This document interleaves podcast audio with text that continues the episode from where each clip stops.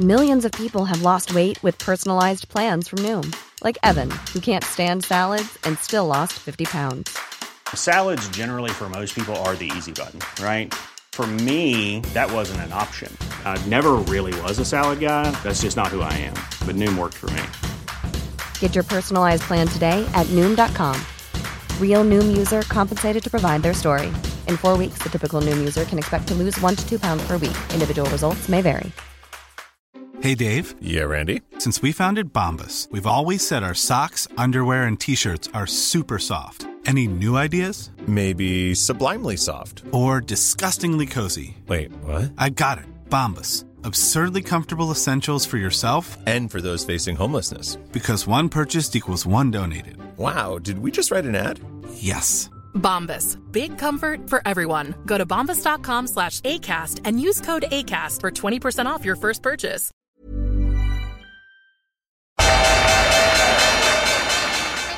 They mistook leverage for genius. Leverage for genius. I would recommend Japan. The governments don't rule the world. Goldman Sachs rules the world. Velkommen til en ny episode av podkasten 'Tid er penger'. En podkast med Peter Warren. Jeg heter Sverre og er produsent og trykker på start og stopp og bistår litt i samtalene. Ellers så eh, kan vi kanskje snakke litt om hjemmesida vår før vi går i gang. Vi har ei side som er tiderpenger.no, der vi har en del forskjellige eh, ting som kan være verdt å, å, få med seg. Du har sikkert hørt det her flere ganger før, men jeg gjentar det likevel. Vi har et ny, nyhetstjeneste som uh, heter Newswire. Som uh, du uh, får veldig live oppdatering av det som skjer i markedet. Vi har en live chat med snart 6500 medlemmer.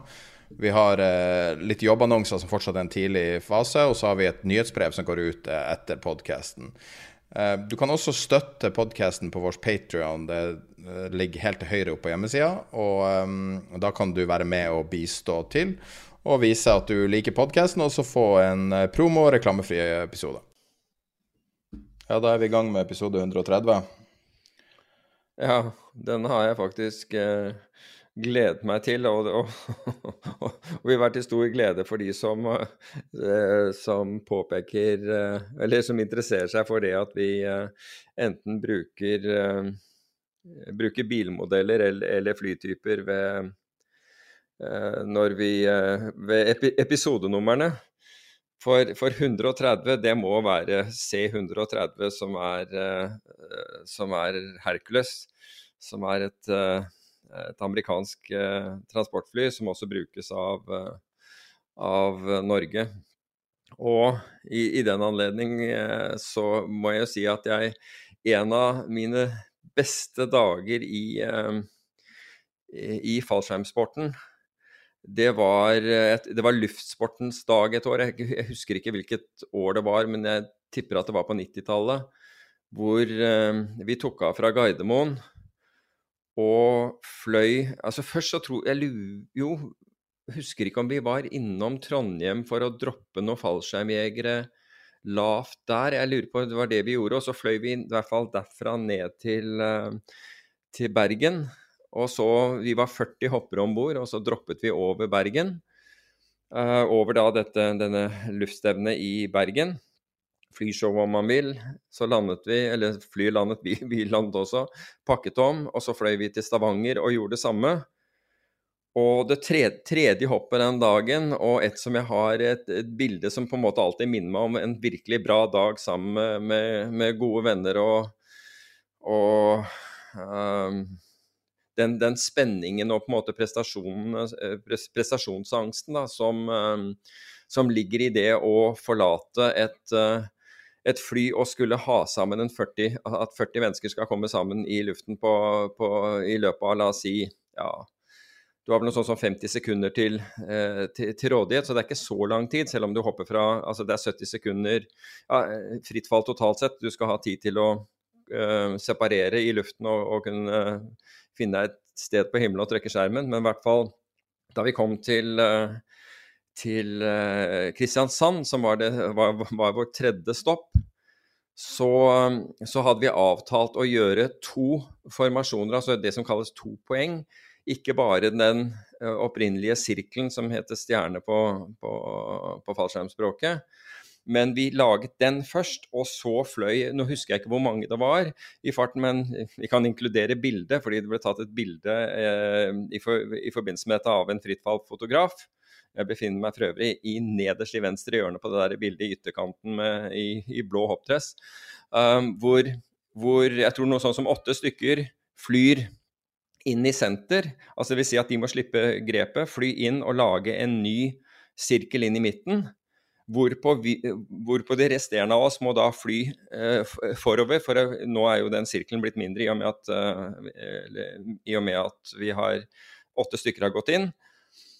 Og så eh, danner vi da en sirkel på utsiden av dem. Um, og alt dette skjer da i løpet av disse ja, si 50 sekundene du har, har, til rådighet, før vi da flyr fra hverandre og uh, åpner uh, fallskjermene. Og det siste vi gjorde for øvrig, det var de av oss som ikke skulle til Gardermoen etterpå. Da, da var uh, pilotene snille og overfløy Ski i, i Østfold, hvor, vi, hvor, de som ville kunne droppe over den gressletta, eller den gressflyplassen, gresstripa heter det vel Eh, på, på, ski. Så det var en utrolig bra dag. Lang digresjon. Det var lang. Men jeg skjønner det. Um, det var litt action med Tyrkia i helga, da. Uh, nok, nok, et drama rundt uh, sentralbank og valuta, og tyrkiske lire er på tidenes laveste nivå, så tror jeg. Ja, altså det, det, skjer jo litt sånn interessante ting i det geopolitiske. Og, og situasjonen rundt Russland på, på, mange områder er blant dem. Men det kan vi ta i en, en, egen episode. Um, I dette tilfellet Tyrkia er jo da De utviser da, så vidt jeg husker, eller hvis jeg ikke tar feil, ni ambassadører. Og det er ganske voldsomt. Altså Én ting er at diplomater blir utvist. Da er det som regel fordi du har Eh, oppført deg ikke forenlig med, med, med, det du skulle, kort sagt spionasje, eller at du har uttalt et eller annet, men at ni ambassadører blir utvist, er spesielt.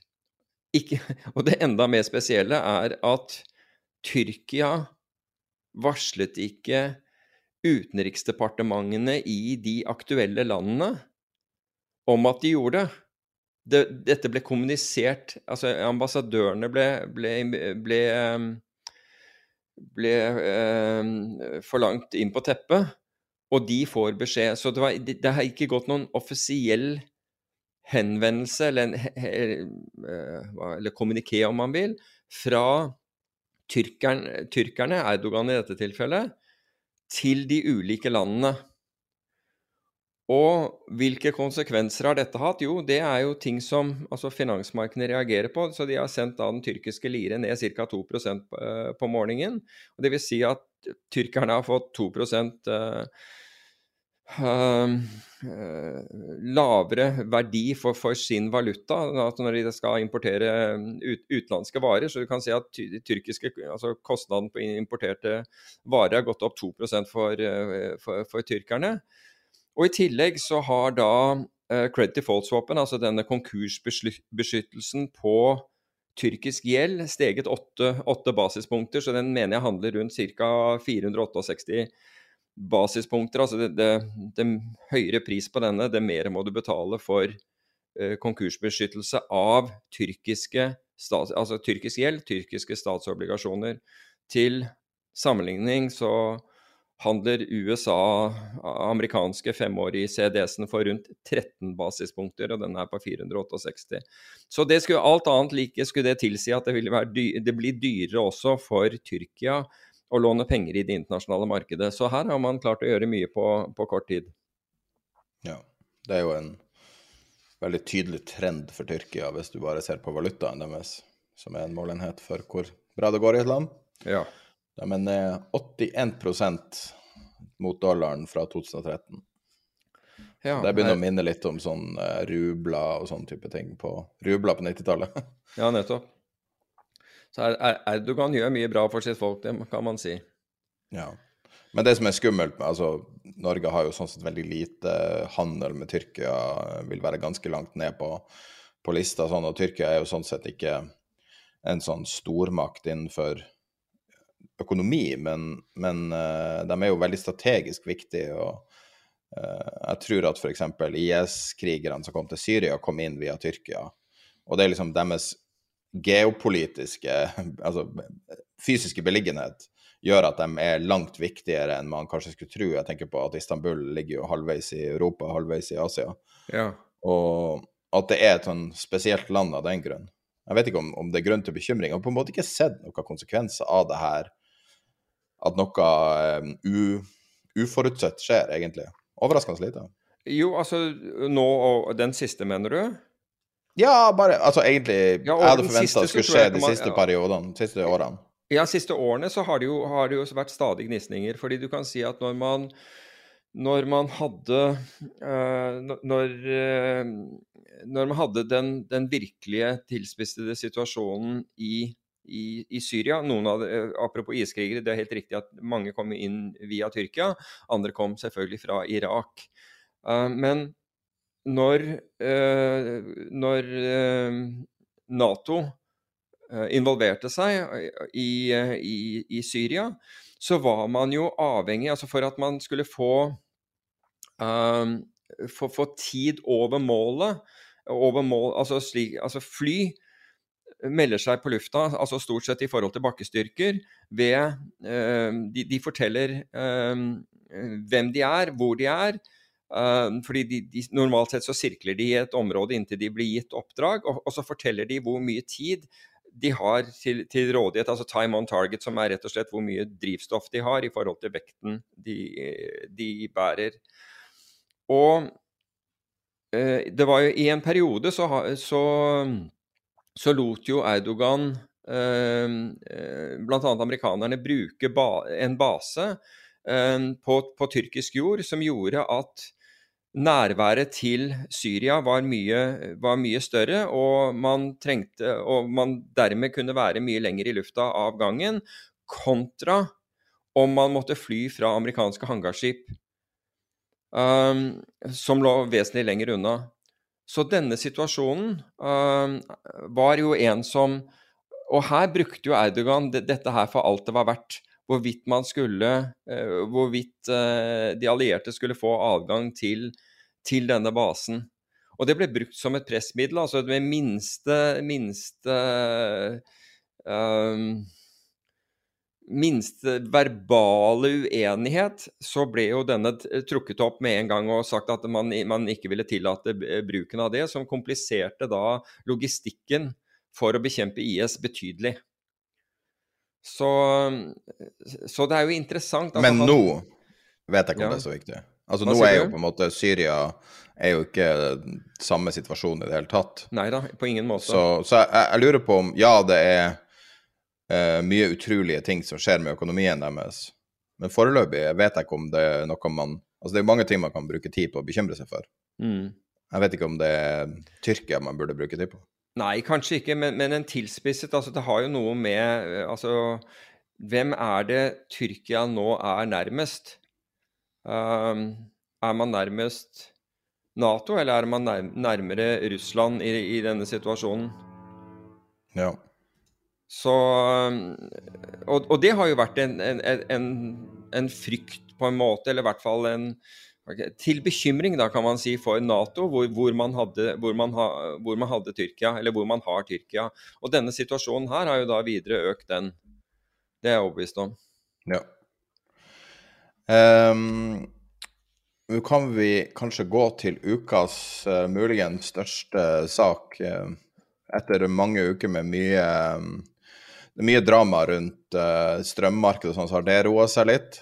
Eh, men en ting som har eh, kommet litt sånn out of nowhere, er Dweck og Donald Trump med TMTG. Trump eh, Media and Technology Group. Ja. Så om, om det var, var vel akkurat rett før forrige episode de lanserte det, tror jeg. Så vi har vel så vidt nevnt det en gang tidligere, men nå er det litt sånn klarere hva, hva Trump eh, prøver å gjøre, og hvor mye eh, verdier han har i det her, og ikke minst hvor stor interesse det er fra investorer. Altså akkurat nå, eh, i forhandelen på Nasdaq, så ser jeg at eh, Dweck er den nest mest handla eh, verdipapiret, bare slått av Tesla. Så det er omsatt for 358 millioner i dag, mens Facebook er 73 til sammenligning. Så, men så lagde jeg også et regneark for å regne ut uh, hvor mye Trump uh, har av verdier i det her akkurat nå. Uh, Ut ifra Bloomberg så eier han 58% av spekken Dweck, eller TMTG eier 80, nei, 58 uh, Og det betyr at akkurat nå så har han 1,67 milliarder dollar mer enn han hadde da før det her ble lansert. Og uh, Bloomberg mener at han er nå det rikeste han noensinne har vært. Det er vel uh, 167 milliarder dollar mer enn han hadde totalt sett, vil jeg tro. Men det er en annen eh, Han eide to bygg, så jeg vet at det har vært snakka mye om at han ikke hadde penger, men han hadde definitivt to bygg, så ca. 2,5 milliarder, tror ja, jeg. Ja, han hadde to har... bygg, men han hadde også betydelig gjeld. Så, ja, det vet men, man ikke. men, men... Uh, jo, det vet man, fordi det, Deutsche Bank har jo måttet bl.a.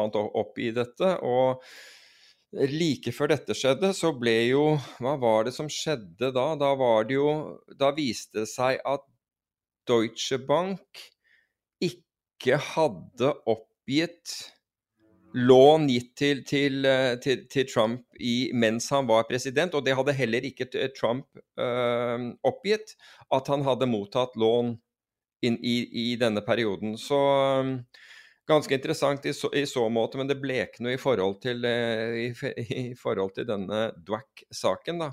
Um, jeg har hatt en, uh, en debatt uh, mesteparten av helgen med en lytter som heter Håkon, som skriver uh, oppgave om, om nettopp SPACs.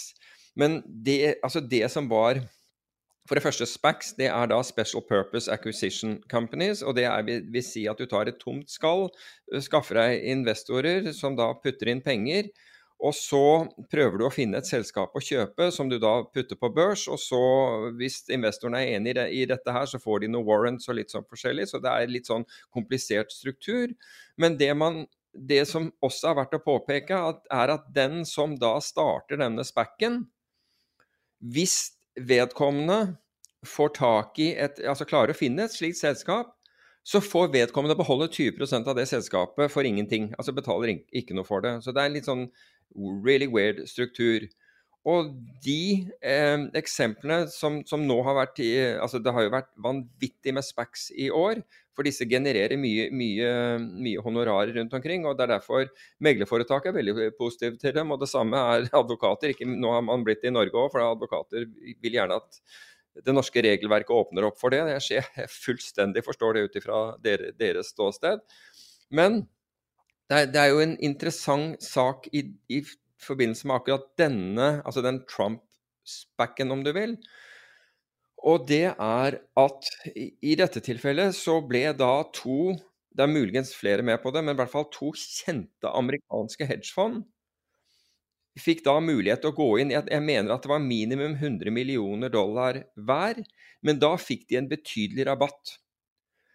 Og rasjonalet for disse å gå inn, det var at bl.a. for da hadde allerede Reddit og altså Wall Street Bet begynt, begynt, å skrive om dette her, var da at dette her ville ta av. Altså her ville man få republikanske småsparere kom til å kjøpe dette her uten å tenke på pris, verdi eller noe som helst. Og så vet vi ikke nå enda om det er republikanske eh, småsparere som har, har kjøpt. Her, vi, vi, snakker nå om, om uh, hvor mye Altså det gikk vel over 1200% på det verste, gjorde det ikke det? Vi se, Oppgang. Jeg tror det var det på det verste, men i hvert fall Det, ja, sånn. disse hedgefondene også visste, og det er jo ikke noe galt i Uh, Over 1500 opp. 1500 var ok, det var det på det verste. Altså 1500 på to dager, 1500% på to dager, det er en rimelig bra avkastning, vil jeg, vil jeg, vil jeg hevde. 800% opp nå. Akkurat. Ok.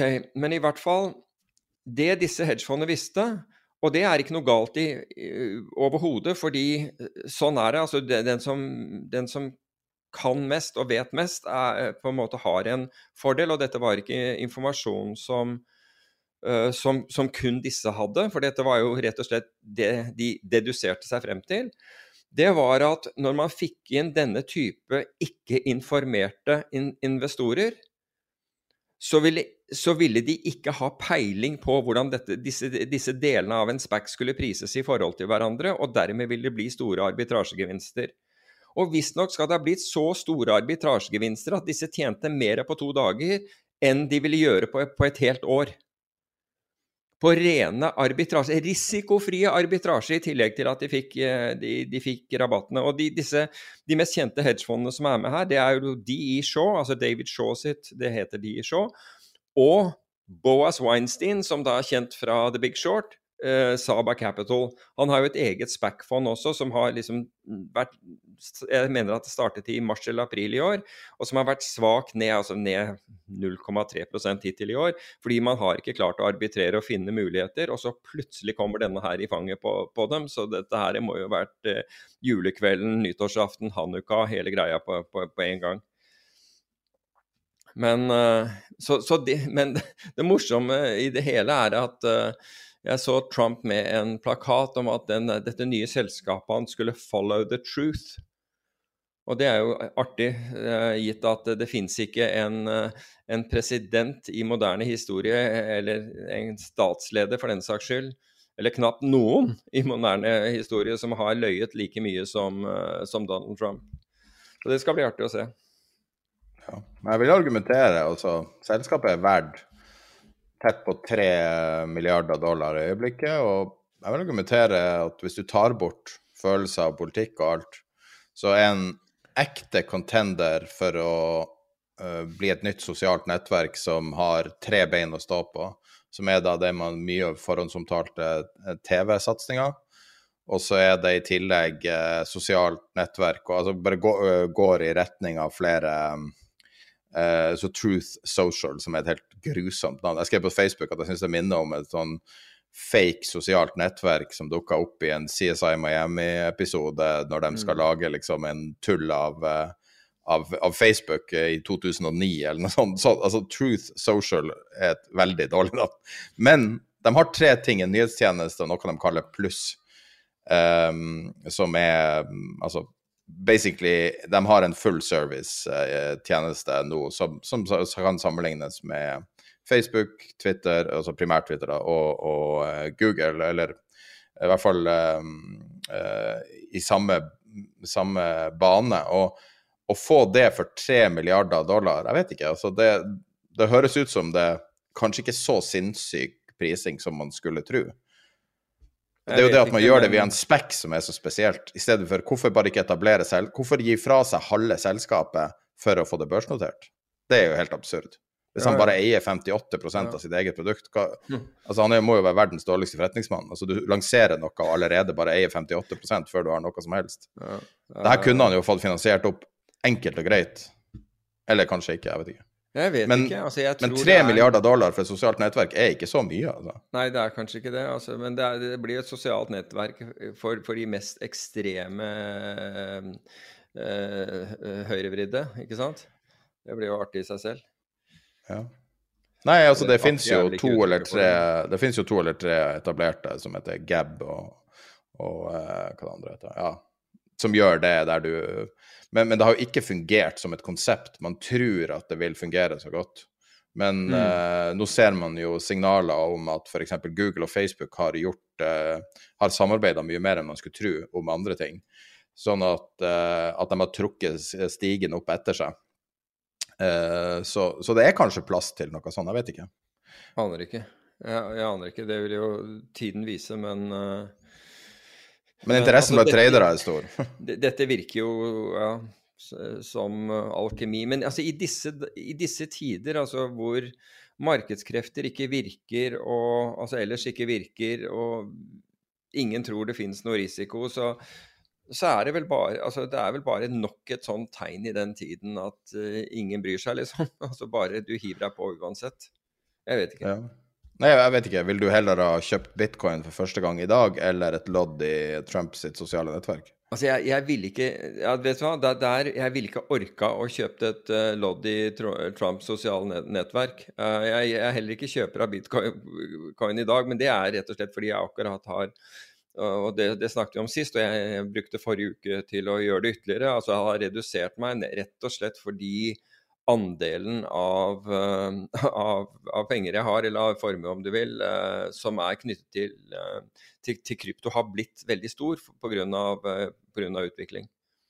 Men da har de jo penger til overs til å putte inn i A Uniting Force for Freedom of Expression, No Political Discrimination, Cancelling Cancel Culture og Standing Up to Big Tech.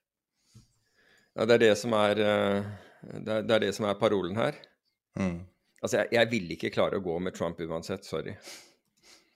Det hadde vært artig. Altså, Hvis du tar bort politikken, så er det liksom artig å tenke at Trump endelig blir så rik som han alltid har sagt han har vært, og vært, folk har tvilt veldig på. Og nå kan du jo se det svart på hvitt liksom, på skjermen. Jeg kan jo kjøre en sånn ja, men det bare, det bare forteller hvor liksom effed up denne verden er for tiden. altså. Ja. Så det, er, det forteller meg ikke noe annet om det. Det er liksom Men det er min take. Jeg vet jo at det er sikkert mange lyttere som, uh, som, som har en annen oppfatning, og, og, we're all entitled to that. Ja, og det er jo store når vi satt og så på, på før vi eh, starta i dag, så snakka vi ganske lenge om alt som skjer. og jeg føler jo at en ting som er nesten glemt i verden når vi snakker om eh, alle de her eh, kryptovalutaene eller spekkene og alle de her sånn sensasjonelle tingene, så er det liksom god gammeldags makroøkonomi er litt glemt. Fullstendig glemt. Det det, Mens altså, på er, lista vår har vi masse makro her. Men ja, men du kan si at når er det Altså, det teller jo på en måte ikke i dette her, ikke sant? Altså fordi, fordi vi har Altså, vi har ikke tillatt oss Og vi tør ikke, altså sentralbankene har ikke turt å la frie markedskrefter eh, slippe til, slik at på en måte pris klarerer, klarerer markeder. Det har, vært, det har ikke vært, eh, gjort siden finanskrisen. Da har vi liksom voktet oss for å gjøre det. Vi har isteden bare økt liksom det smertestillende. Vi har bare fyrt på med mer. Og vi vet jo det der at hvis du det mer smertestillende du bruker, det, det, det mindre virker det på deg. Altså, I hvert fall opiater. Hva sier du? I hvert fall ja, opiater. Men jeg, jeg, tipper at det går for de, de fleste tingene. Altså uansett. Altså hvis uh, Altså hvis uh, selv med Paracet, altså i den grad når den ikke blir uh, effektiv nok, så må du over på sterkere midler, og, som er da kodinbaserte midler. Og når du går tom for de altså Det er ikke alle som har en genfeil som meg, som hvor kodin ikke virker. Men, men når du går tom for de, så, så, er på en måte opiater neste, og da, da har du liksom da altså da er det bedre altså På et eller annet tidspunkt så vil du heller forsøke å helbrede sykdommen enn å, enn å bare undertrykke smerter og ikke, og ikke, helbrede. Det blir kanskje litt mye metaforisk, dette her, men eh, Jeg kan ta noe jo... veldig konkret, da. Ja, 1000. Det er antall rentekutt siden Lehman i konkurs i verden. Ja. Så Tyrkia kutta Når Tyrkia hadde sist, siste rentekutt, så var det 1000 sentralbankrentekkutt siden Lehman. Det vil si én gang hver tredje dag siden 2008. Og i perioden har to, 23 000 milliarder dollar blitt pumpa inn av nye assets, altså effektivt sett trykka. Det er, det er, det er Altså, du kan ikke fatte det. Du kan på en måte ikke fatte disse, disse størrelsene. Men så lenge Altså, vi, vi lever jo i den derre På en måte villfarelsen, og jeg husker uh, uh, Og det, dette er jo blitt uh, blitt sagt tidligere. altså Yngve Slyngstad sa at dette eksperimentet Og dette, var, dette, er veldig mange år siden, altså det må være en bortimot ti år siden eller noe sånt. Eh, dette eksperimentet ved å bare putte på mer penger og mer penger og mer penger, altså trykke opp og, og, og putte på mer penger, har aldri tidligere vært gjort. Altså i, i den, den skala. Så ingen av oss vet hvordan dette ender. Og mange syns, ikke sant, fordi det ikke har gått galt, det er jo fordi man har fortsatt å, å pøse inn midler, så har man aldri måttet ta et oppgjør med mulige konsekvenser av dette. Altså, ingenting hadde vært bedre enn om man klarer å lande dette på en forsiktig måte. Men tar man feil her, altså som f.eks. Jerome Powell åpenbart har gjort når det gjelder eh, at inflasjonen er eh, Som han da var helt sikker på var, var forbigående. Nå tør han ikke å si det lenger. Fordi du ser at det er inflasjon overalt. Um, også, også, her til lands, hvor du, hvor du, så sent som i helgen, hvor Orkla-sjefen sier at prisen på matvarer vil gå vesentlig opp. Det er i tillegg til strømpriser som går vesentlig opp. Så nå må vi da finne en eller annen måte å måle inflasjon hvor vi verken tar med strømpriser eller mat. For å være sikker på at vi klarer å, å på en måte skjule det, de faktiske forhold. Men for den alminnelige forbruker så er det ikke noe tvil om at det blir mindre penger å rutte med. Det er jo ikke noe tvil om det. Og nå i tillegg skal, skal man da begynne å øke skatter, så men det, det, det, kommer jo sikkert til å være, være, være selektivt, men greit nok. Uh, uansett, så blir etter all sannsynlighet mindre å rutte med. Ja, så det er bare å se på Menheim US Used eh, Vehicle Index for å se virkelig inflasjon i USA. Den går jo som ei pil rett opp mm.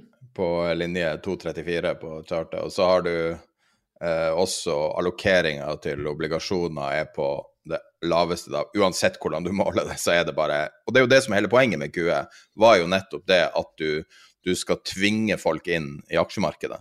Ja. Så allokeringa til bonds nå er på eh, ca. 18 eh, ned fra eh, Hvis du ser på eh, eh den høyeste allokeringa som var, var over 30 Sånn at ja. det, her, det her er jo en enorm forskyvning mot mer risk. Nettopp. Som var ønsket med uh, Det var jo målsettingen med hele, hele, greia. Det var å tvinge folk til å ta pengene ut av uh, sparekonto og ut av sikre ting som f.eks. statsobligasjoner. Ja. Og dytte de inn uh, i økonomien, altså inn, inn, ta risiko og dytte det inn i aksjemarkedet. Ja. For det skulle skape vanvittig med nye arbeidsplasser, og det var ikke måte på. Og så tenkte man ikke, tenkte man ikke på at kanskje de som var ekstra kreative av ehm, bedriftsledere, ville velge å ta Altså når de da emitterte og fikk inn mer penger, så brukte de de til å kjøpe tilbake, uh, kjøpe tilbake aksjer fremfor å øke da antall ansatte osv. Ja. Um, det er jo hvis du ser på det chartet som, uh, som ligger øverst fra uh, Loman Ecometrics, de har så utrolig bra chart. det er en, en permabull som jobber der. Nei, permabear som jobber der. Og de har en som de oppdaterer regelmessig, som heter Major Central Bank Assets versus ja, SP 500. Ja. Og det er bare Kom igjen, da. Altså, det her er Jeg, jeg satt og så på den lenge og prøvde, prøvde å finne ut hvordan de hadde triksa med, med grafen på, for å få det her til oss. Det er ingen triks her. Det er en det er så tydelig korrelasjon mellom eh, hva sentralbanken har gjort, og, eh, og, aksjeverdiene. Så når du hører om folk som skryter av hvor smart de er for dem Altså, jeg snakka faktisk med en milliardær i forrige uke og stilte mange av spørsmålene, og han sa noe sånt som at altså, hvis du har tapt penger det siste året, da, da skjønner jeg ikke hva du er laga av. fordi at uansett hva du har kjøpt, så har du tjent penger. Og det kan man jo ha i bakhodet. Ja, Nå eh, tar du de som ikke ble gruset og klemt ut under, under covid, for det var nok av de som Jeg sa i år. I år. Å oh, ja, i år, ja. Det siste ja. Greit. Nei, nei, under covid ja, var det jo veldig vanskelig. Det siste året, da har, har du også ditt inn, er du også innafor, fordi vi er jo tross alt i andre halvdel av oktober nå. Ja. Men uh, hvis, så, altså, covid var jo utrolig vanskelig for en trader, der du ser så bunnløs negativitet i verden. Ja, men for en investor med... også, ikke sant? Altså, ja, jeg mener for investorer. Ja, altså, ja, eh, spesielt hvis du, eh, hvis du hadde belånt. Og i den, i, den, i den, forbindelse var det jo artig at eh, Og dette var jo i DN, hvor en banksjef i DNB mente at det lureste man kunne gjøre, var, var å ikke nedbetale boliglån, men isteden putte det i aksjer. Den, eh, den, den, kommer til å bli stående der. Du, kan, kan, jeg stille deg et spørsmål nå? Dette er en, en venn av meg som hadde ei ekte problemstilling. Så vil jeg gjerne høre om dette er en mulighet. Så eh, du har penger igjen etter et boligsalg, og eh, ønsket var å kjøpe eiendom på Frogner. kjøpe ei leilighet. Og så samtidig hadde vedkommende eh, de pengene da, Jeg husker ikke om jeg tror det var La oss si at det var fem millioner. Du hadde fem millioner i et, et uh, indeksfond som gjorde det bra. Det er en stund siden, så det gjorde det fortsatt bra. Og uh, forresten, nå er vi jo på, ny, på vei til nye all time high, så det går sikkert bra mm. med det. Altså. Ja. men du hadde pengene i et indeksfond, og så var spørsmålet da skal man selge det indeksfondet, og så da bare kjøpe leilighet med cash, som vil være da en veldig lav risiko ting å gjøre nå. For det er, jo, det er jo renta som er problemet, eller eh, lånet som er problemet, ikke nødvendigvis eiendommen. Uh, og um, da, da, tenkte jeg litt på det, og så mitt forslag var uh, bytte ut indeksfondeksponeringa med opsjoneksponering. Bruke litt av uh, hovedstolen på å betale for det. Altså fortsette å være long. Sette resten av pengene på konto, og så få et fastrentelån på ti år å kjøpe leilighet for, og så bruke pengene som sikkerhet. Da beholder du pengene på konto, du beholder eksponeringa til aksjemarkedet, og du beholder eh, den fysiske eiendommen. Hva du syns du om den risiko vurdere. Ja, men hvor, altså, du får jo en negativ carry med å putte pengene på konto og samtidig låne dem tilbake igjen til en vesentlig høyere rente. Hvorfor skal du gjøre det? Ok, Men da kjøp en statsobligasjon, norske statsobligasjoner, da. Noe som er cash equivalent, var det jeg mente. Ja, blir, du får allikevel en negativ carry, da. På, på men du beholder eksponeringa, det er det jeg vil. Du, selvfølgelig du, du får du en negativ absolutt... carry, men ja, ja, det er prisen å betale beholde... for å beholde eksponeringa. Men har, du reduserer risken med å ha fastrente.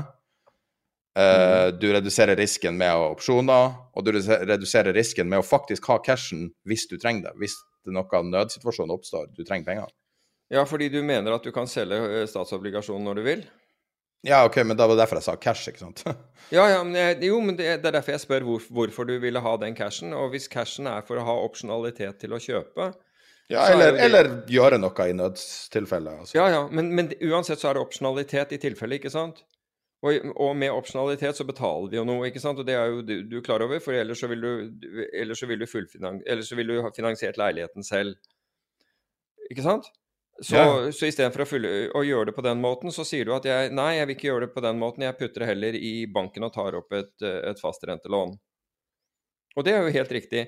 Altså det som er eh, Altså hvis du nå har gjort det på den måten du sier, og og forutsatt at du kan betjene det lånet uansett hva som skjer. fordi altså, Selv om du har fastrentelån, så må du jo betale månedlig på det. ikke sant? Altså Rente og eventuelt avdrag, eller i hvert fall rente. Du har jo cashen å, bruke til det? Ja, du har jo den cashen å, å bruke til det, så, så, lenge du har nok til det. ikke sant? Da, er, da, vil du jo ikke Da er det jo egentlig bare snakk om hvor, hvor lang tidshorisont du har. Fordi i løpet av, av den perioden så kan du risikere å ha negativ mark to market, altså negativ verdiutvikling, på både eiendommen din, altså leiligheten du har kjøpt, selv på Frogner, uh, og på, og på, på aksjeinvesteringen din du kan ha negativ eh, verdiutvikling. Men nå, nå, sier du at du har kjøpt en, en, en, opsjon på det, så det vil jo ikke plage deg så mye. Det vil kanskje gi deg en mulighet. Men i hvert fall, leiligheten din kan ha negativ mark to market. Vi skal jo snakke litt om eiendomsmarkedet etterpå. Um, og så lenge ikke det bryr deg, og du kan betale rentene, og du har lang nok tidshorisont for at dette skal komme opp igjen, så er jo ikke det, altså, jo ikke det en, en farlig strategi, det du det du, det du går inn på der. Og så kan du si at ja, men hvorfor i det hele tatt kjøpe opsjon og ha penger på konto? Jo, det er nettopp fordi du, vil, du ønsker opsjonaliteten ved å kunne ved, ved, På den ene siden, hvis aksjemarkedet mot formodning skulle liksom falle 50% i mellomtiden, så får du ikke altså da, da, taper du opsjonspremien, men du, har, du, kan da gå inn og kjøpe aksjemarkedet 50% lavere eller 30 eller hva det måtte være uh, lavere. Så, så, det er en fordel. ikke sant? Så der kan du si at opsjonaliteten balanserer kanskje da med, med, den, med muligheten du får, for du vet ikke om du får denne muligheten. Det kan være en mulighet, men du vet ikke om, om du får den. Så altså, det er jo ikke en Det er jo litt Igjen, det er opp til den, den situasjonen du, du befinner deg i, og hvilken tidshorisont uh, du har. Jeg kan ikke si at den, den strategien der er, er, er, feil. Vil du tjene like mye som om hvis dette går, hvis uh, eiendomsmarkedet går opp og aksjemarkedet fortsetter å gå opp into per, per, per, altså inn i evigheten? Um, nei, det vil jo selvfølgelig ikke, fordi du har betalt noe for denne her opsjonen og du har hatt noe penger stående på konto. Men det er du bevisst på på forhånd, så avkastningen din vil være noe lavere enn det aksjemarkedet er, og noe lavere enn det, det eiendomsmarkedet er. Men du betaler for å ha komforten, noen ville kalle det luksusen, av å, å ikke være så utsatt. Det er du, betaler, du har trippel forsikring. Så du har forsikring på, på renta med fastrente, du har forsikring på uh, aksjeeksponeringa gjennom call-opsjoner, uh, og du har forsikring med, med å ha cash. Jo, men du har forsikring med Altså Ja, men du, du, har ikke forsikring ved å ha Altså, fordi du har ikke opsjonalitet på det fastrentelånet, det er du forpliktet til. Så ja, men du har beskytta deg mot nedsida. Altså, renten er nært null. Beskyttelse ja. har du, men du har, men, du har ikke, men du har, ikke, opsjonalitet når du har kjøpt deg en Men vil du ikke kalle et fastrentelån ei forsikring? Du forsikrer deg mot jo, jo, volatilitet? Du på, jo, du kan se det på, på, det på den måten, men hvis da renten mot formodning skulle, skulle isteden falle til null, og som de har gjort i Europa, til negativ, så sitter du og betaler ganske mye på det. Så kan du si at ja, men det er den forsikringspremien jeg betaler. Ja, det er greit nok. Ja. Greit nok, det. Men jeg altså, bare nå snakker jeg om å ta, redusere risken og beholde eksponeringa, er det jeg snakker om. Ja. Du, For nå er du fulleksponert i et indeksfond. Men det er bare cash, sånn at om det faller 10% så er ikke det livet ditt noe verre. Nei, nettopp. Men hvis du er gira og faller 10 så er det et stort problem. Sånn at uh, det er greit nok. Men med å binde pengene opp i ei eh, på en måte dum eh, altså dum i anførselstegn, altså mener jeg at det, eh, du gjør ikke noe aktiv investering, du kjøper bare indeksen. Eh, så med å binde pengene opp der, så kan du ikke gjøre den tingen du har lyst til å gjøre. Fordi at leilighet, og husk at leiligheter har jo utility mm. på toppen av det hele. Mm. Sånn at du, du, kan faktisk eh, putte familiemedlemmer inn i leiligheter, og så har du en stor utility. Pluss at du har I Norge så tror jeg du skal uh, lete lenge etter noen som ikke vil være eksponert i eiendomsmarkedet. Så de fleste ja, vil være du, eksponert. Men du får ikke Altså hvis pengene står Altså hvis du gjør dette gjennom en opsjon kontra uh, gjør det gjennom at du eier fondet, så vil jo det være skattemessig forskjellig, ikke sant. Fordi du kan bruke en sånn aksje, aksjesparekonto hvor du ikke da vil få Vil da få beskatning underveis. altså Du, ikke, altså du kan bytte mellom fond og alt mulig sånn, men du kan ikke ta ut pengene.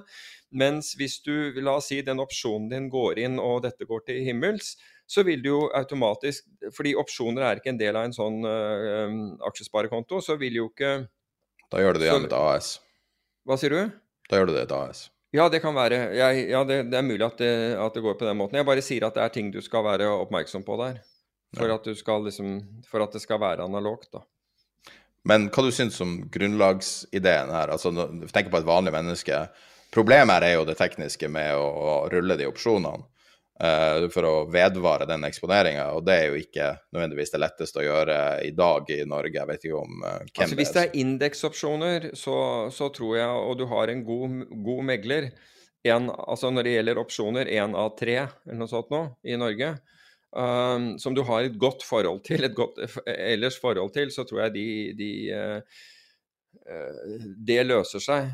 Men jeg, jeg ville jo For det første så ville jeg jo i hvert fall ikke drevet og gjort dette på månedsopsjoner. Jeg ville gjort det på, på mye lengre opsjoner, ikke sant. Altså, frem, da vil du antageligvis uh, Du kan jo Altså Rett og slett for ikke å ha disse rulleringskostnadene som du er opptatt av, altså det, som, er, eh, som er kurtasjen både ved at du, du selger de opsjonene du, du, sitter på og kjøper nye, ikke sant? og clearingkostnader og børsavgifter og alt det der som, som, legges på. Så du må på en måte, du må gjøre dette regnestykket.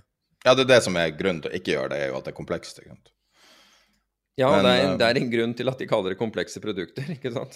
Ja. Um, nei, det var bare noe jeg hadde lurt på uh, lenge uh, om, om, jeg skulle ta opp i podkasten. fordi det var noe som jeg spontant kom til meg når jeg snakka i telefonen. tenkte at kanskje det var en måte å gjøre det på. Fordi at man burde ikke si fra seg cashen og, og låse den i leilighet hvis du har cash nå. Det syns jeg er en utakt. Da det er bedre å gjøre det via et fast rentelån og heller bare ha trekk fra den kontoen de pengene står på. Ja, eller du, eller du, kunne sette de inn i fond som ikke tar betarisk, ikke sant? Som hvor, ikke, hvor ikke alle avkastning kommer fra beta. Med andre ord at, at, at tidevannet vil, vil uh, komme inn for alltid. Altså at aksjer vil alltid stige. Ja, men, men det mener jeg. Også, men da må du, da må du låse opp en gang. Ja. ja, men du må ikke låse de opp. Ja, du låser de opp, men du låser de Altså, du, Nei, du må ikke låse altså Kanskje kvartalsvis eller månedlig eller noe sånt, men ikke, ja. ikke utover det. Men jeg tror bare at vi er i ferd med å gå inn i en periode der cash begynner å ha en større alfa enn det har hatt. At cash i seg sjøl har Altså, det, det, er en verdi i å ha cash. Vi begynner å bevege oss litt hint i den retninga. Ja, da må du se på Ja, da, da, er det to ting du kan se på. Det, det ene er det alternative bruken av, av cash.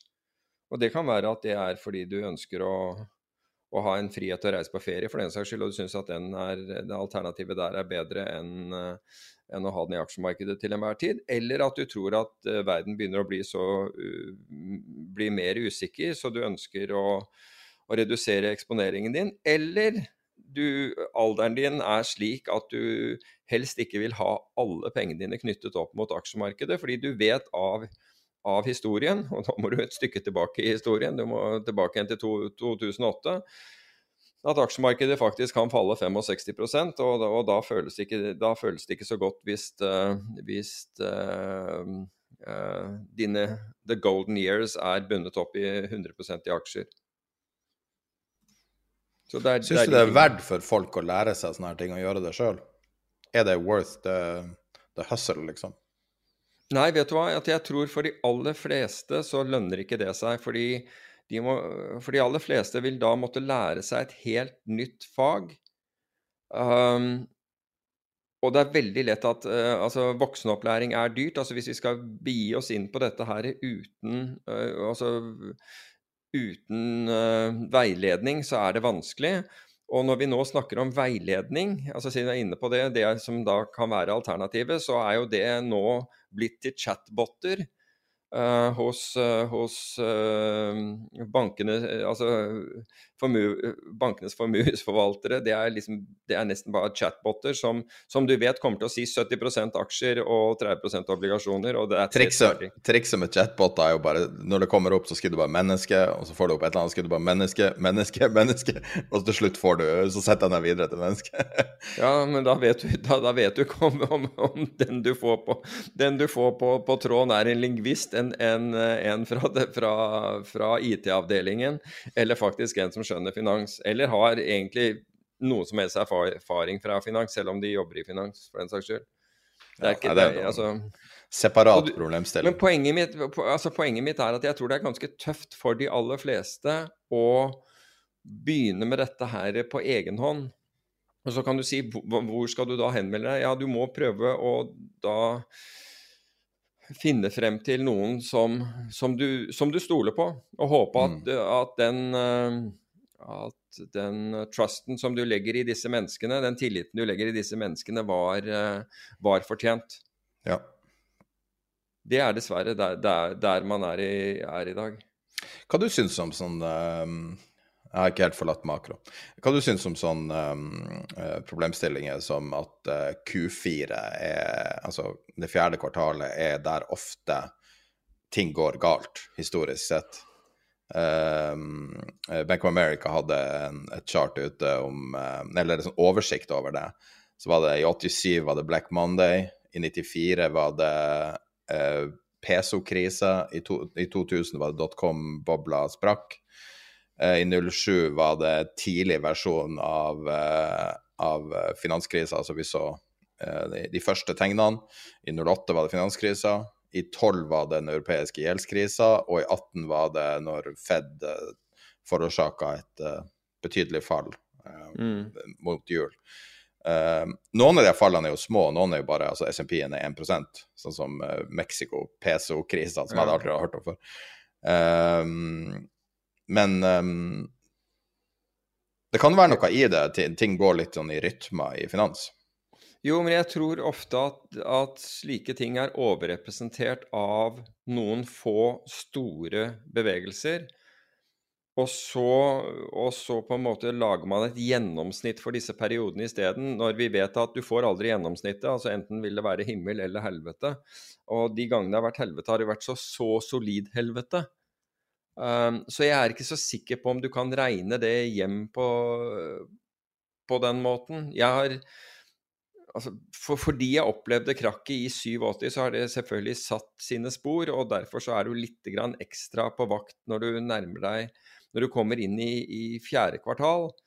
Men hadde jeg, hadde jeg på en måte deretter kommet meg ut av markedet hver eneste ok oktober f.eks., så tviler jeg veldig sterkt på at det, at det hadde gitt en, en, positiv avkastning. Nå har jeg ikke sjekket det, men, jeg, men intuitivt så vet jeg at vi, vi overrepresenterer sånne, sånne, tilfeller, og baserer gjennomsnitt gjerne med, med disse tallene. Så, og, og som, som, jeg innledet med, det er ikke gjennomsnittet vi, vi, vi oppnår. Vi oppnår avvikene fra gjennomsnittet.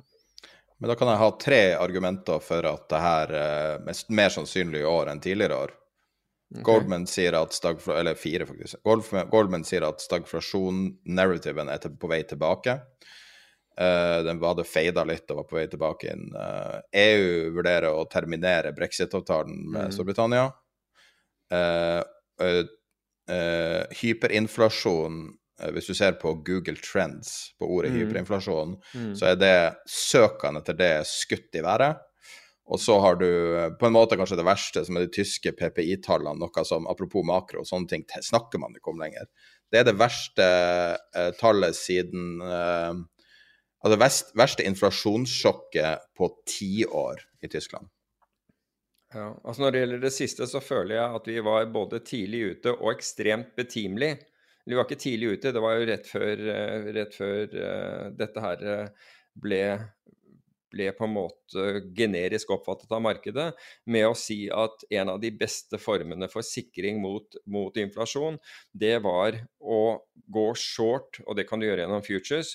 Um, gå short tyske, uh, den, den, tyske tiårige uh, statsobligasjonen, altså gjennom, gjennom future-kontrakter, hvor du da ble betalt 0,44% i året. Altså du fikk penger for å altså Bare dette sto stille, så vil du tjene 0,44% i året. Så vil man si at ja, det er ikke mye å tjene. Nei, men det er Du blir betalt for å være short. Det, normalt sett så betaler du høy, mye for å være short. Her ble du betalt for å være short. Um, så jeg føler jo på en måte at, at, at vi, vi, adresserte, vi adresserte den. Og så er jeg ikke uenig med deg og det var én ting du ikke nevnte i, i, i, din oppsummering der, og det er at gjelden har aldri vært høyere. Ikke sant? Altså, så når du begynner å se, Og det gjelder jo statsgjeld, også forbrukergjeld osv. Og, så og for så vidt uh, gjelden i markedet. altså Den har jo kommet litt ned den senere tid, men ellers er jo også opplåningen til spekulasjon er jo også nær rekordnivåer. Så du kan si at det er mange ting der som gjør at at utslag vil eh, At, at uh, små hendelser kan skape store utslag. Det er rett og slett bare det at vi har sittet på gjerdet her med, med, sentralbanker som har hele tiden gått og, og sydd puter under armene våre, som gjør at vi ikke tror altså vi, Psykologisk sett vi tror at det som akkurat har skjedd, det vil skje igjen. Det er mye mer sannsynlig enn det som har skjedd for, for en stund siden, uansett hvor fælt det var. Og det er det vi egentlig Vi har det vi kaller recency bias. Vi går alle og ser på Jøss, det gikk jo fint i helgen, og alt var i orden på fredag. Ja, da er det sikkert bra denne uken her også. Det er sånn vi tenker. Så jeg vil jo si at vi har sannsynligvis aldri vært mindre beskyttet hvis noe sånt skulle skje. Men så vil jo andre hevde at nei, tvert imot, vi, jo, vi har aldri vært så godt beskyttet, fordi sentralbankene står bare rede til å trykke på knappen og pumpe ut mer penger hvis vi trenger det. Bruke fellesskapets midler til å, til å, uh, til, til å holde aksjemarkedene oppe. Jeg kan ikke si at de tar feil. Det er bare at effekten av, av den uh, pengetrykkingen har, har, stadig blitt mindre. Det er alt jeg kan si. Så, så du kan si at jeg har, jeg har liksom Jeg har 87 og og alt som har skjedd etter det, inkludert uh, Asia-kriser og, og dotcom og da LTCM gikk til helsike. Alt dette her er under my belt, så jeg er jo mer jeg, jeg, jo, jeg heller jo til å være mer urolig enn en de fleste, nettopp fordi Jeg har sett hvor, hva som skjer under sånne kriser, og hvor formuer rett og slett forsvinner under, under sånne kriser. Men de som da kom til fra finanskrisen og til nå, vil jo si at ja, men jeg har også sett hva som skjer under sånne kriser. Da bruker man fellesskapets midler til, til å redde meg, fordi man har ikke råd til at jeg går, går over ende. Hvem har rett? Fremtiden er den eneste som kan fortelle oss det. Men tilbake til Yngve Slyngstads ord. Dette er et eksperiment som vi aldri har gjort, eh, som vi, vi aldri har gjort tidligere. Og vi vet ikke hvordan det vil ende.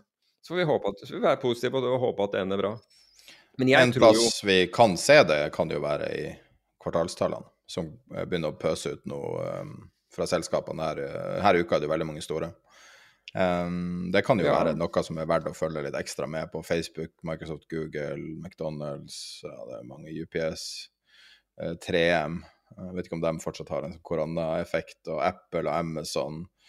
Starbucks, eh, Exxon Mobil. Det er mye store heavyweights som skal legge fram tall i dag. og Hvis man ser noen endringer, så vil man jo tro at man ser det i tallene. Nå har jo Tesla lagt fram tall forrige uke som var veldig bra, og de beste tallene de har lagt fram. og Tesla er på all time high i øyeblikket. og uh, Sånn at uh, den uh, irrational exuberance er jo i aller høyeste grad gjeldende hvis du ser på verdsettelsen. alt sånn som ja. Tesla.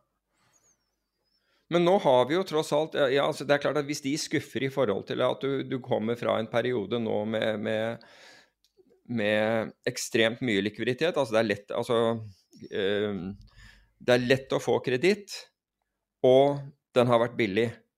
Mm. Så det er klart at hvis det skuffer i forhold Altså i en periode hvor pengene har sittet løst og har vært billige, da, da, da, da, jeg, da vil jeg, det er klart at da ville jeg begynt å sette meg opp i stolen og bli litt urolig. Det, det, skal jeg være enig i. Men Tesla kan treffe 1000 dollar i dag, og kan treffe trillion dollar company-status. Ja. Det er ganske heavy, altså. Ja, det er ganske heavy, men samtidig må man jo se det at, at Tesla også har forbedret seg. Og om, altså jeg er uenig med verdsettelsen, men du, du har, i det minste så har du sett uh, tegn til bedring. De har utnytta situasjonen veldig bra, syns jeg. Ja, ja. Uh, med å ha henta penger på skyhøye nivåer. Mm. Men uh, ja, nei, det er Det er i hvert fall verdt å følge med på, på Tesla de neste dagene, og det er jo det mest trada selskapet i øyeblikket. Men, men, Trump er like bak. Ja. Så det er litt av en eh, periode vi er inne i, altså. Jeg husker, altså, jeg har jo vært i altså, jeg husker Mitt første møte med finans var var vel i 2003, tror jeg. Eh, der jeg kom inn eh, med et veldig vagt, eh, veldig soft touch inn i markedet. Og, og, da husker jeg hvor beksvarte ting var. Altså, det var, det var, altså selv bankkonto ble opplevd som å være for risikabel, nesten. Altså det, var, mm. det var ingen nedre grense for hvor lav risikovilje folk hadde. Altså Hvis motparten din var staten, så tenkte du OK, det er greit. Da, da er jeg fornøyd. Sånn at uh, ting har veldig uh, eh, forandra seg veldig mye. Men det var jo også under de periodene der Facebook f.eks. ble til. Så man får jo enorme forbedringer da. Men uh, jeg vet ikke om det her kan snu fort eller ikke. Det har foreløpig ikke gjort det. Foreløpig ikke. Så, men det er jo greit at man er klar over de, de, disse tingene, så får en, altså, hver enkelt vurdere selv om uh, om den belåningsgraden man har, eller den risikoen man tar, om, er, om, man er komfortabel med den, rett og slett. Altså, men, men, så får man live and die by, by, by, the sword, holdt jeg på å si. Altså på, på basis av de, eh, de disposisjonene altså, og det man beslutter. Det skal jo ikke være sånn at hvis man beslutter feil og tar for mye risiko, så skal, så skal de øvrige skattebetalerne være med og dekke den, den regninga. Er, Men å følge din strategi med å bytte ut aksjeeksponering med opsjoneksponering, det må jo være det beste? Ja, altså du kan si at det er riktig på, på, på tider hvor, hvor, opsjoner er priset så det er, er, spesielt attraktivt. Det er ikke priset uh, attraktivt hele tiden. Så kan du argumentere at vet vi det før vi, vi vet det endelige svaret? Nei, kanskje ikke. Men, men, det er noen ganger hvor, hvor det og, og, vi hadde jo et slikt uh, tilfelle i, i desember uh, 2019 Um, hvor vi snakket om det. Jeg, jeg, skrev en, jeg tror jeg skrev en blogg om det. Vi hadde det på, på podkasten. Jeg skrev en blogg om, om, det fordi det syntes så attraktivt å gjøre det på den måten. Jeg hadde jo ikke peiling på at uh, vi, i neste omgang, altså over i neste måned, skulle vi opp, oppleve en pandemi. Men der så man jo virkelig effekten av å, å, å gjøre noe med Altså prisingen var, var, uh, var uh, gunstig å gjøre noe sånt på, og så inntraff det. Og det er klart at da, da, da blir det da, da ser man voldsom forskjell. Så sånn er det. Vi kan kanskje gå til neste tema, som er presisering. Eh, noen ville kanskje håpe at det var en korreksjon, for vi fikk veldig mye tilbakemelding på to små detaljer vi snakka om i, i, forrige episode. Eh, normalt så lar vi oss diktere av markedet eller av tilbakemeldingen på hva, man skal snakke om, men her er det vel greit å, å, å gå litt mer i dybden på, uh, på det. Eh, så du kan jo kanskje ta det første delen. Ja, det kan jeg godt. Og det var jo dette Cleaves-fondet altså, som vi, vi, snakket om, og hvor man da hadde gått ut og vist til da, Altså Cleaves-fondet skal da forvaltes av en så, som jeg oppfatter for å være en flink analytiker, som heter Joakim Hannisdal.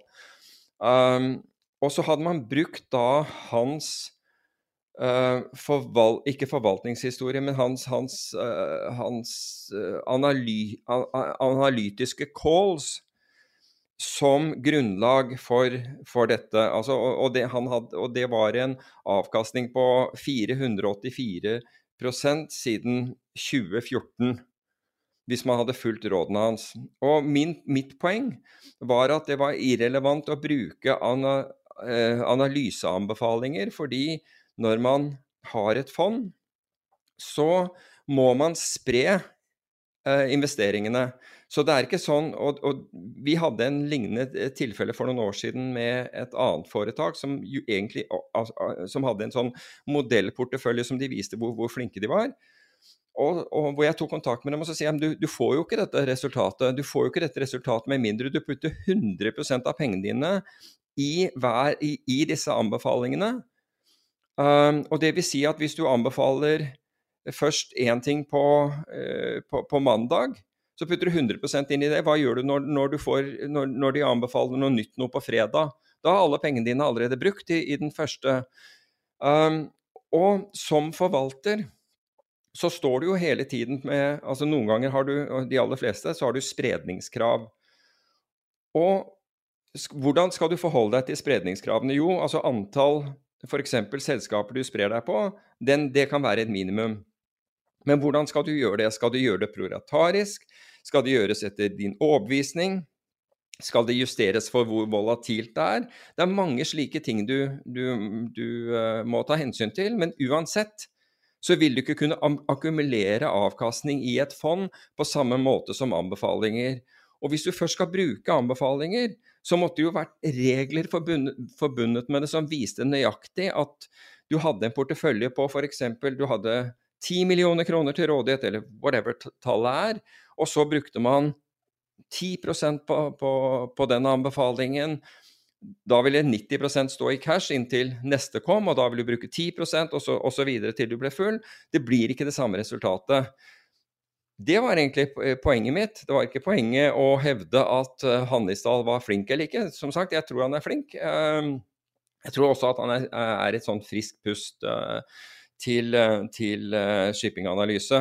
Men det som da provoserte, det var jo da at Hannisdal gikk ut og sa at de tydeligvis ikke hadde lest dette prospektet, så dette, at det var bare tull.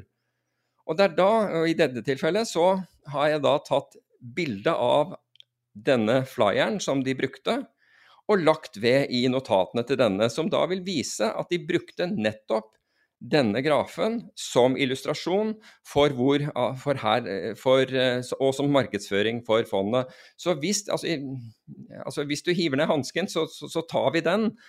Vi hadde, vi hadde, ikke kommet til å kommentere det. Hadde man ikke, hadde ikke gått imot oss på denne måten, så hadde ikke giddet å, å Eller det hadde ikke vært mer å, å å, å, kommentere. Men når du først liksom hiver ned hansken og sier at vi, vi, tydeligvis ikke har lest dette her, så da føler jeg at da kan det være greit, når vi, når vi har gjort det, å bevise det. Så, så, det er det jeg vil si om, om den saken.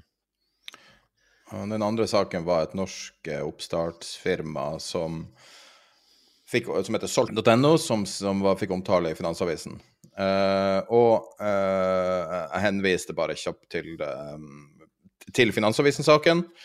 Og at uh, de påpekte da i Finansavisen at de hadde tapt penger på litt om det var litt over eller litt under halvparten, det husker jeg ikke. men Og det var liksom vinkelen de valgte. Og så var det en del tilbakemeldinger fra Jeg vil også presisere at alle som kom med tilbakemelding, også sa de var investorer i selskapet. Så um, det må vi også ha i bakhodet. Men så pga. det så bestemte jeg meg bare for å lese litt i dybden, og så sendte folk meg både prospekt og uh, presentasjon, for de har vært ute og henta penger nå. Og så fikk de omtale etterpå i Dagens Næringsliv om at de har vært og henta penger. Og så si at det er flere folk jeg kjenner til her i selskapet, så, og har ingen interesse av å ødelegge for noen, og det tror jeg ikke Peter har heller. Men uh, når man blir uh, pusha hardt, så er å uh, så er det greit å bare si hva det er å gå i dybden på det her. Men det som er problemet, sånn som jeg ser for meg det her eh, selskapet, det ene er jo at du gjør ikke noe nytt. Ikke du, du, er bare nok en mellommann som kiler deg inn i en uh, kiler deg midt inn i en transaksjon. Litt som å finne opp i en ny musefelle. ikke sant? Altså, Eiendomsmegling fungerer jo helt utmerket. Uh, men her så skal du kunne selge i løpet av to dager boligen etter en verdsettelse. Og så uh, Solgt.no har to måter å tjene penger på. Det ene er da selve transaksjonene, som de opplyser at uh, det som effektivitet heter avgift, er totalt 3,75% De spesifiserer jo ikke noe av provisjon, og bruker uh, bl.a. 2,25 som uh, det de mener gjennomsnittlig meglerprovisjon i, uh, i, i salg av leilighet til 4 millioner. Det er ikke mye erfaring fra nylig i markedet, men uh, greit nok. Kanskje de opererer med annen informasjon. Det var vesentlig mer enn det som nylig ble betalt i en sånn sak. Men uansett, la oss si at det er riktig, da. Så, så er det fortsatt dyrere å bruke dem. Det er um, høyere enn en den tradisjonelle transaksjonen. Og så sitter de og holder på eh, holder på eiendommene i opptil 60 dager etter de har hatt det. Så f.eks. hvis du tar i skrivende stund, så skulle man tro at de sitter på kanskje 60-70 eiendommer. Og da er det, ja, sånn ene måten å tjene penger på det her, er da å være en ny form for eiendomsmegler med å bare øke kostnaden. Og sånn sett kan man jo si at det er jo en innovasjon å klare å øke meglerhonorarene, som har falt eh, i 20 år nå i strekk. Uh, og, og de uh, da estimerer at Eller det, det, virker som at deres uh, framtidige margin er 1,9% som er ganske, en ganske lav margin. Det er litt avhengig av businessen. Det her er jo eh, sånn sett Du holder jo eiend hver eiendom kort tid, men alle de her eiendommene henger jo i et system. Og eh, de henviser til hvor stort markedet er, og tar en viss prosentandel og 200 milliarder osv. Så, videre. Så det er jo sånn, sånn gammel dotcom-logikk. Så stort er markedet, så stor prosent tror jeg kan ta det, osv. Men erfaringa Jeg har litt erfaring, jeg har jobba i eiendomsmarkedet på flere forskjellige måter. og det første erfaringa er at eiendomskjøpere, eller eiendomsselgere, er en hysterisk art. og, um, og, at det er vanskelig altså, jeg, jeg vil vanskelig tro at det her kan være halve markedet som bare selger for cash i stedet for å få ut hver krone. For erfaringa er at folk vil ha ut hver siste krone. Men det andre, er, som er mye, mye verre, er jo hva, hva hvis noe skjer fort som gjør at man går fra et marked der det er lett å selge, til et marked der det ikke er mulig å selge.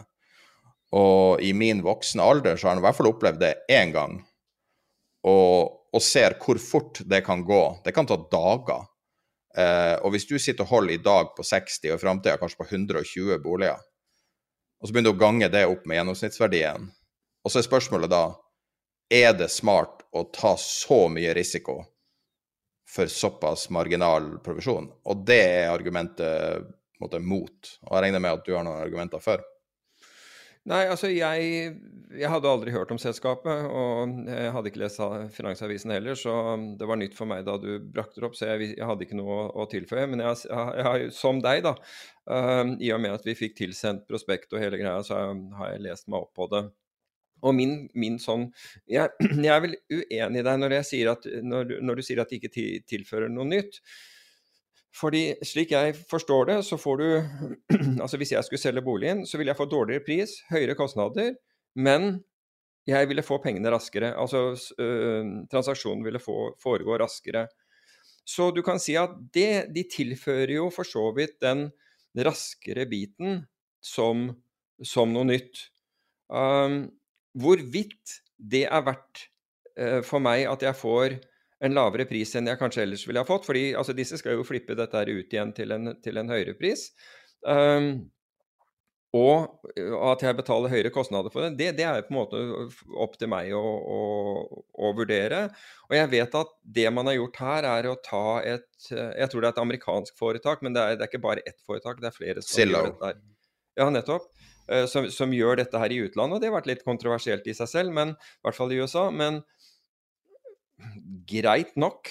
Uh, altså Man snakker om at det er en megler og to AI-eksperter som, som, står for dette her. og uh, hvis, hvis, det er riktig som uh, Finansavisen skriver, og det vet jeg ikke, men hvis det er at liksom man, har, uh, man har tatt på ca. halvparten av, av de man har, leilighetene eller eiendommene man har, man har kjøpt, så har, så har i tilfelle så, så, bør man liksom Tror jeg man bør justere AI-en sin litt. Men det er vel det er ikke noe gærent i det. fordi du kan si at når du kommer til et marked og du skal prøve å finne ut hva noe er verdt å prøve deg for første gang, så er det ikke uvanlig at, at du har en, har en voksenopplæringsperiode.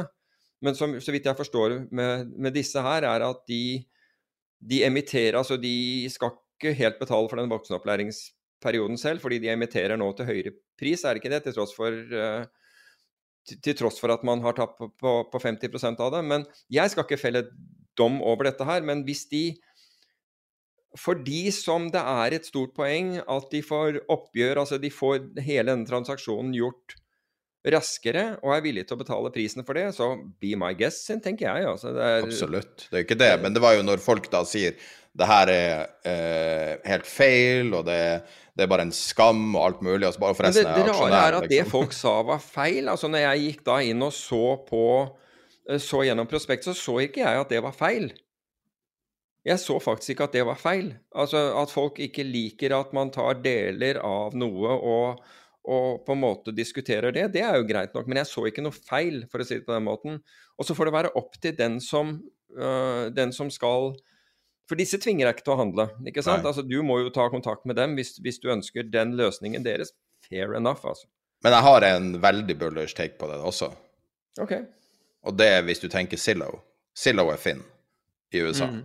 Okay. Og hvis hele deres forretningsidé er å bygge noe som er proof of concept og selge til Schibsted, da er dette en knallinvestering. Hvis du skal gjøre det på egen rygg uten å ha noe backing i tilfelle markedet går midt imot, så er det her sketchy. Nå kan det jo være at Konkurransetilsynet vil stoppe jo, et sånt oppkjøp. de har jo backing fra flere altså De har jo fått med seg de som på en måte liker å, å, å tjene penger på eiendom her, da. Mm. Uh, så, så, jeg tenker at de Jeg tror Kristian Ringnes var nevnt, og Bård Schumann var nevnt. Altså Jeg kjenner jo Bård Schumann og, og, tror veldig på hans dømmekraft, og det forandrer, det forandrer um, synet på det her. Men det, man kan jo også si på, er, se på det som et lodd, ikke sant.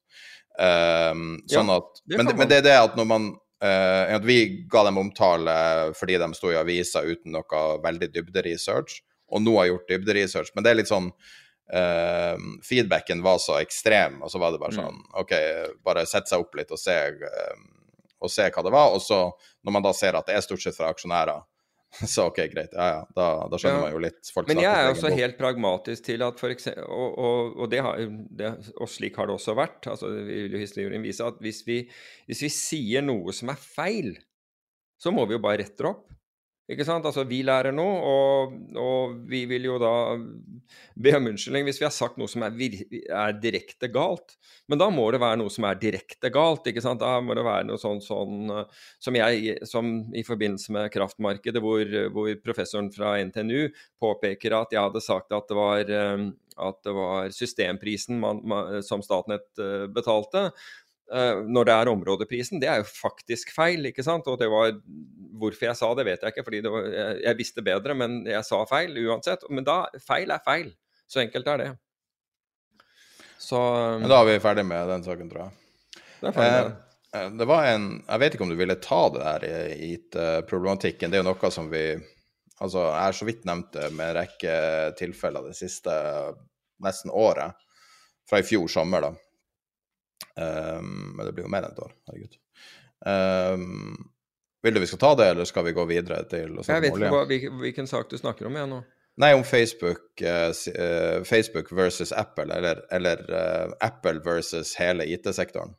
jeg har ikke nok kunnskap om det til å vite det, for å være helt ja. ærlig. Nei, men jeg kan si det kjapt, da. Så Apple har gjort ei, annonserte i fjor sommer en regelendring på ei oppdatering som har blitt litt forskjøvet, men som har begynt å komme ut eh, på, på, de oppdateringene. Som gjør at alle, alle, som sporer deg på internett via en app, må varsle, det må varsles i appen og få eksplisitt godkjennelse av brukeren for å bli spora. Og det her er mer eller mindre hele forretningsmodellen til Facebook. Og, um, så er det mye diskusjon. og så Hver gang jeg hører folk diskutere problemstillinger rundt reklame på internett og alt sånt, så bærer det ofte preg av at hvis du er f.eks. en IT-ekspert, så har du aldri kjøpt reklame på internett. Og at det kanskje er vanskelig å forstå hvor effektiv Facebook, og, eller Google og Facebook, men spesielt Facebook er. Så uh, jeg har kjøpt masse reklame på internett, og um, uh, det Hvis du skal sette det i perspektiv, da, altså hvis du får uh, har en reklamespot på noen som ikke sporer deg, f.eks. Reddit. Reddit er ganske clean, men du kan godt være en hvilken som helst nyhetsavis eller noe sånt.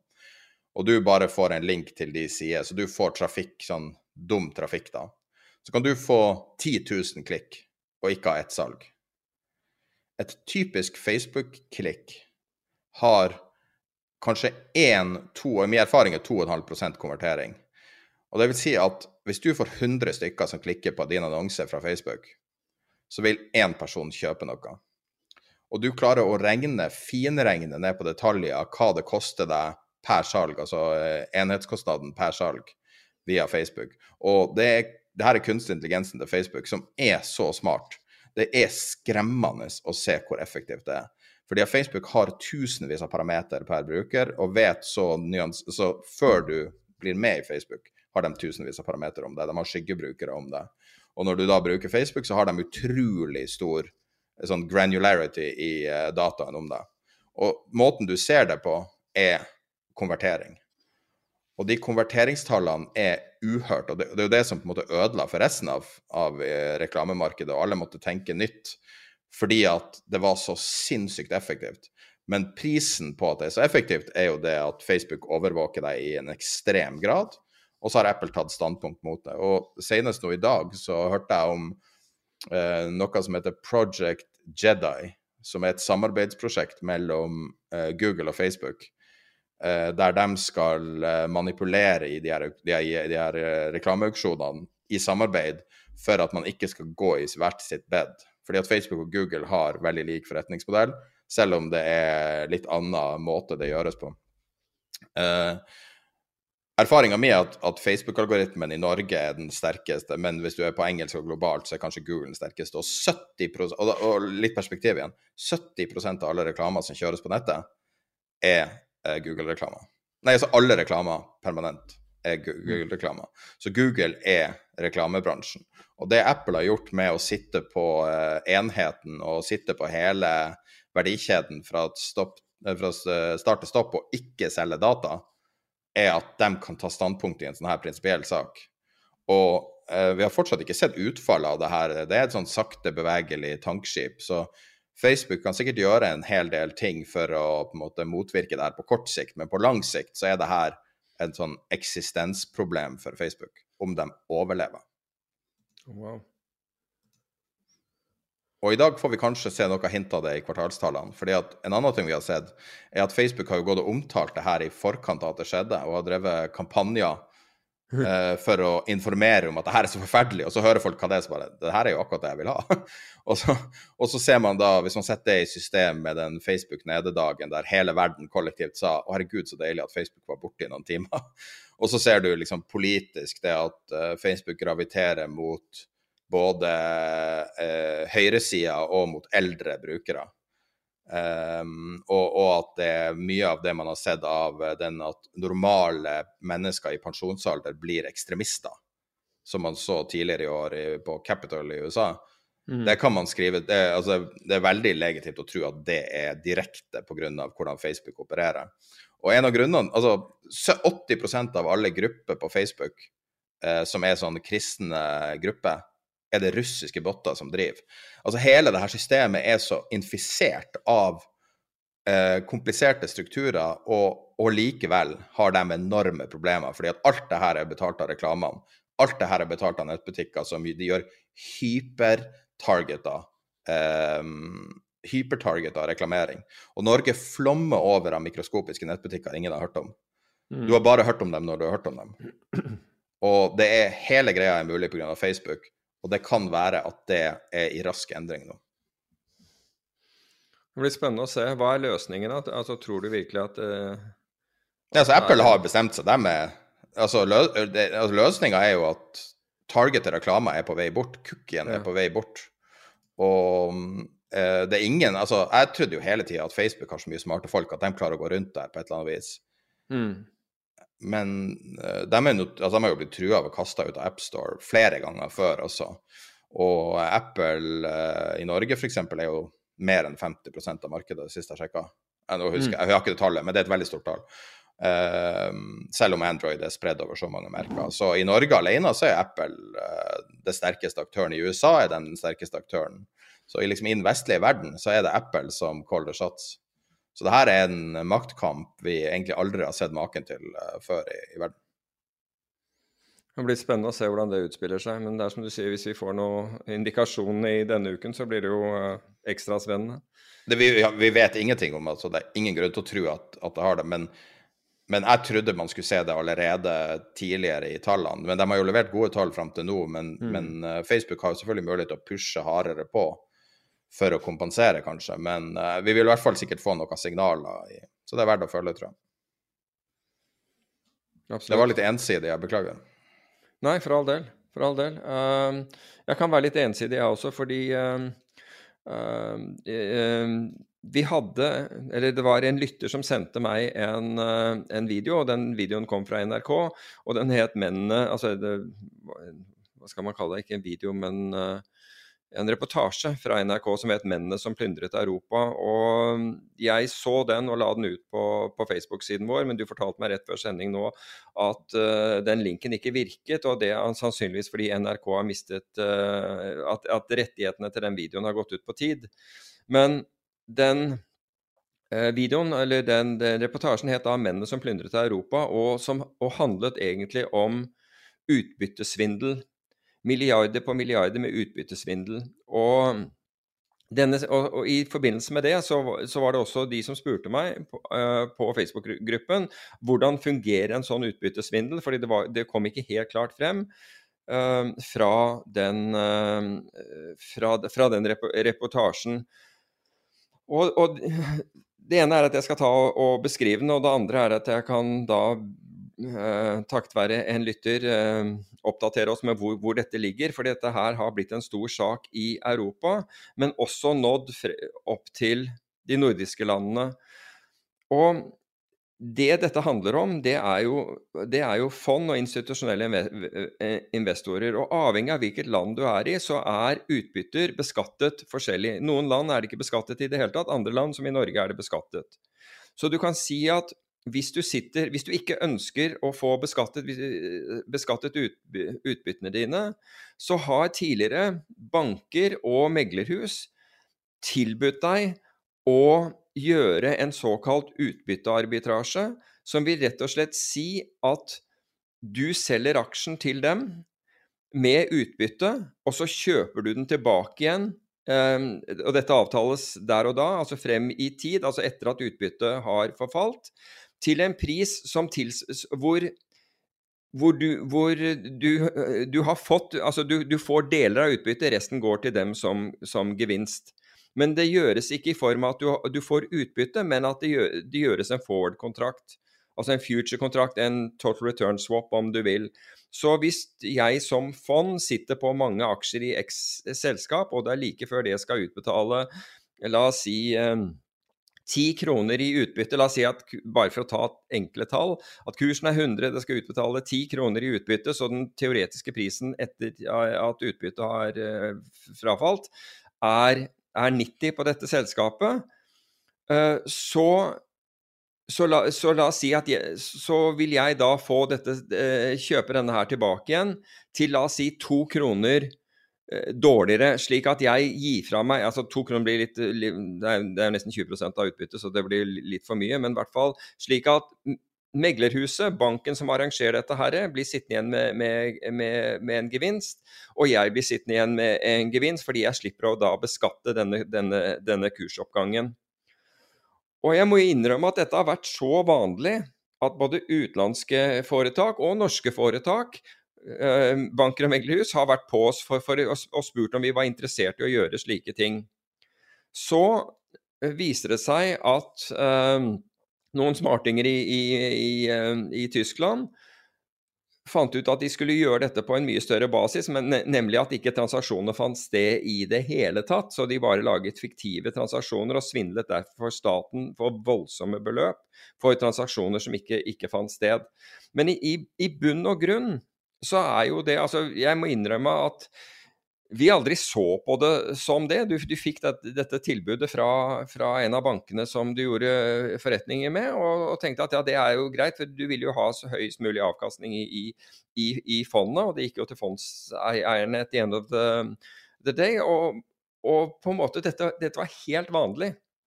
Men nå pga. størrelsen av dette, altså for det første pga. disse fiktive handlene, de eksisterte ikke dette, Jeg tror det var en whistleblower som gikk til myndighetene, og så begynte da uh, Finanstilsynet å se på dette. Og Det siste nå er at svenske skattemyndigheter forlanger 4 milliarder kroner, hvis, hvis, det, hvis dette er riktig det som, uh, som, en av lytterne skrev, av SEB for, for, for å ha deltatt i, i, dette her over, selvfølgelig over, over, eh, over mange år. Og så er liksom spørsmålet hva skjer i Norge? Hva skjer i Norge med de som har på en måte gjort, gjort, det samme? Så Det er det dette her handler om, er jo nemlig at de mottar utbytte. Altså, og det, Da vil det gjerne være en aktør som befinner seg i et land hvor han ikke betaler utbytte. Så du selger altså Banken eller meglerhuset her i landet eller hvor det måtte være, de står bare som, som, uh, som mellommann til, til, transaksjonen. Men de, de, har da, de har da kunder i et land hvor man ikke betaler utbytteskatt, som er villig til å, å gjøre denne transaksjonen. Og så leter de bare da etter de som er i en, sånn, i en skattemessig posisjon hvor de måtte betale dette. Og så, eh, så tar de kontakt og sier du, istedenfor eh, at du får, eh, får 10 kroner i, i utbytte som du må betale skatt for, så så får du 9 kroner gjennom en total return swap. Og den ene kronen eh, går da, altså, går da til, eh, til, til, eh, til, motparten og selvfølgelig til å betale disse transaksjonskostnadene. Så det er på en måte traden rundt dette.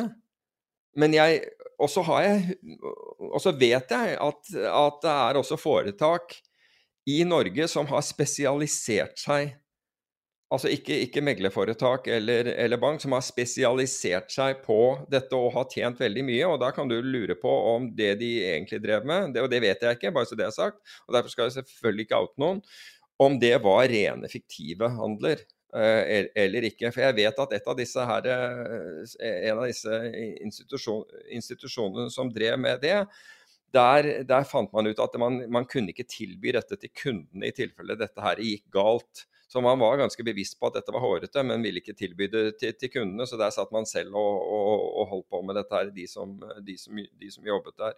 Men det blir i hvert fall spennende å se, og det er i hvert fall forklaringen på hva, hva utbyttearbitrasje uh, dreier seg om. Er det noen andre land enn ikke ulovlig. Hva sier du? Er det noen andre land enn Sveits som, uh, som, ikke har skatt på utbytte? Jeg vet ikke. Jeg, jeg vet, vet at Sveits ikke har det, i hvert fall ikke. Jeg vet ikke hvor disse investorene altså Vi så jo aldri sluttinvestoren. ikke sant? Må du ha kontor der for å gjøre det? Nei, nei, nei, altså, det aner jeg ikke. Men altså, vi facet jo bare, altså, vi facet jo bare en sluttseddel.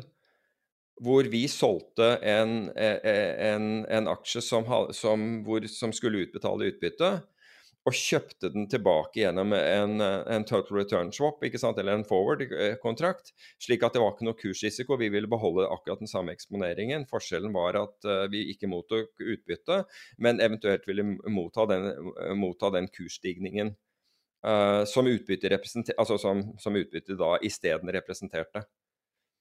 Du skjønner hva jeg mener. Så det er, det er den uh, saken der. Og da regner jeg med at uh, endelig, og jeg beklager at det har tatt litt tid å, å, forklare den, for jeg trodde ikke at vi skulle klare å forklare den i, i den aktuelle den første podkasten etterpå, men jeg sa at vi, da skulle vi gjøre den i den etter der, og så var det noen som minnet meg på nå i helgen at vi hadde ikke dekket dette her, og de lurte fortsatt, så da tenkte jeg OK, da tar vi det da.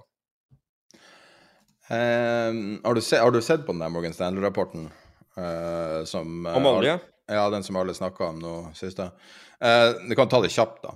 Uh, vi har jo snakka mye om energi den siste tida, og det har jo vært litt roligere, ting har roa seg litt ned. Men en interessant ting er jo i 2021 så har jo olje vært den store traden da vi snakka om siden om det var januar eller februar vi starta. og se på Exxon Mobil og se på oljeprisen. og Meglerhusene var ganske unison, og det er jo mulig at de så ting andre ikke så. og Morgan Stanley snakker nå om peak oil igjen, men det er litt annerledes mm. peak oil. fordi at nå er det peak supply av olje som man Altså der at man ikke ønsker å utvinne ny, ny olje, som det jo, vi snakka om det i forrige episode, at det er lite nye, ny, lite nye oljefelter helt, altså de siste 14-15 årene. Mm. Uh, og at uh, Morgan Stanley da legger fram uh, ideen om at markedet bare vil bli mer og mer og mer pressa, og oppjustere sine estimater for neste år med så mye som 17,5 dollar og 10 dollar over hele linja. Så, så det, er, um, det, er, ganske interessant å tenke på tenke på olje i, i den nye, den nye, den nye ramma, liksom, der hele verden er på en måte samla med å ville gå mot grønnere energi. Men vi er nå fortsatt fast i de rytmene og rutinene man har nå. Ja, absolutt. Absolutt. For øvrig så, så, så regnet jeg litt på det, for i, forrige uke så skrev jeg en blogg på basis av den altså at vi for ja, hva blir det, ni, eh, syv måneder siden, tror jeg det var, Uh, skrev, en, eh, skrev, en, blogg hvor pga. at du hadde så stor backwardation i oljekurven, med andre ord olje for fremtidig levering, var priset så mye billigere, så oppsto det en mulighet, apropos det du snakker om med, med, med opsjoner, til å kjøpe olje uh, til å kjøpe en oljeopsjon som ga deg retten til å kjøpe olje til 65 dollar. Um, innen desember i år. Altså den ville forfalle i desember i år. Og nå vet vi at uh, oljeprisen er, er røftlig rundt, nå har jeg ikke sett på den i dag, men røftlig rundt 83 dollar. Slik at du har da hatt uh, Og for øvrig, den opsjonen betalte du 3 dollar og 77 cent for. Så du kan si at hvis bare oljeprisen, altså spot-oljeprisen sto stille, så ville denne, så, så ville denne uh, så ville prisen gradvis komme opp imot, uh, komme opp imot den spotprisen som ville gjøre denne lønnsom. Og hvis oljeprisen steg videre, hvilket den har gjort, altså opp til det som, som investeringsbankene på det tidspunktet trodde at oljen skulle, skulle nå, altså 80 dollar, og er, vi vet jo at nå at den er, er, høyere, så vil du tjene voldsomt på denne. Uh, og nå vet vi at du har fått fire Altså på nåværende nivå så har du fått 4,8 ganger innsatsen din som, er, som, er, nesten kryptoavkastning uh, for å ha gjort dette. Så i forbindelse med Morgan Stanley-rapporten så så jeg da på hvordan ser dette her ut, fordi Morgan Stanley forventer 95 dollar i, i, innen utgangen av første kvartal 2022. Og da må vi huske på at den, den opsjonen som jeg akkurat nevnte, den var syv måneder lang og kostet 3,77 eh, dollar. Denne her vil da være hva blir det, altså fem, røftlig fem måneder lang og koster over fire dollar. Så du kan si at prisen har gått opp, for å si det på den måten, um, for å ha retten til å, å kjøpe en, en, en, opsjon som gir deg retten til å kjøpe olje på 85 dollar fatet. Hvis den skal til 95, så har du jo liksom to og en halv gang pengene dine, riktignok. Men, uh, men uh, nå er det blitt dyrere, altså som følge av uh, større svingninger i oljemarkedet. Så jeg vil bare nevne det samtidig. For jeg regnet på det i helgen i, i, og med at jeg leste den Morgan Stanley-rapporten og lurte på om det var en billig måte å, eller en attraktiv måte å gjøre dette på. Her er en, eh, også en stat i den rapporten som jeg ikke hadde sett før, uh, som er hva man bruker uh, hva man bruker olje til i noe i verden. Uh, transport er 65 mm. og biler er 49 mm. Og hvis du tar bort Eh, passasjerbiler eh,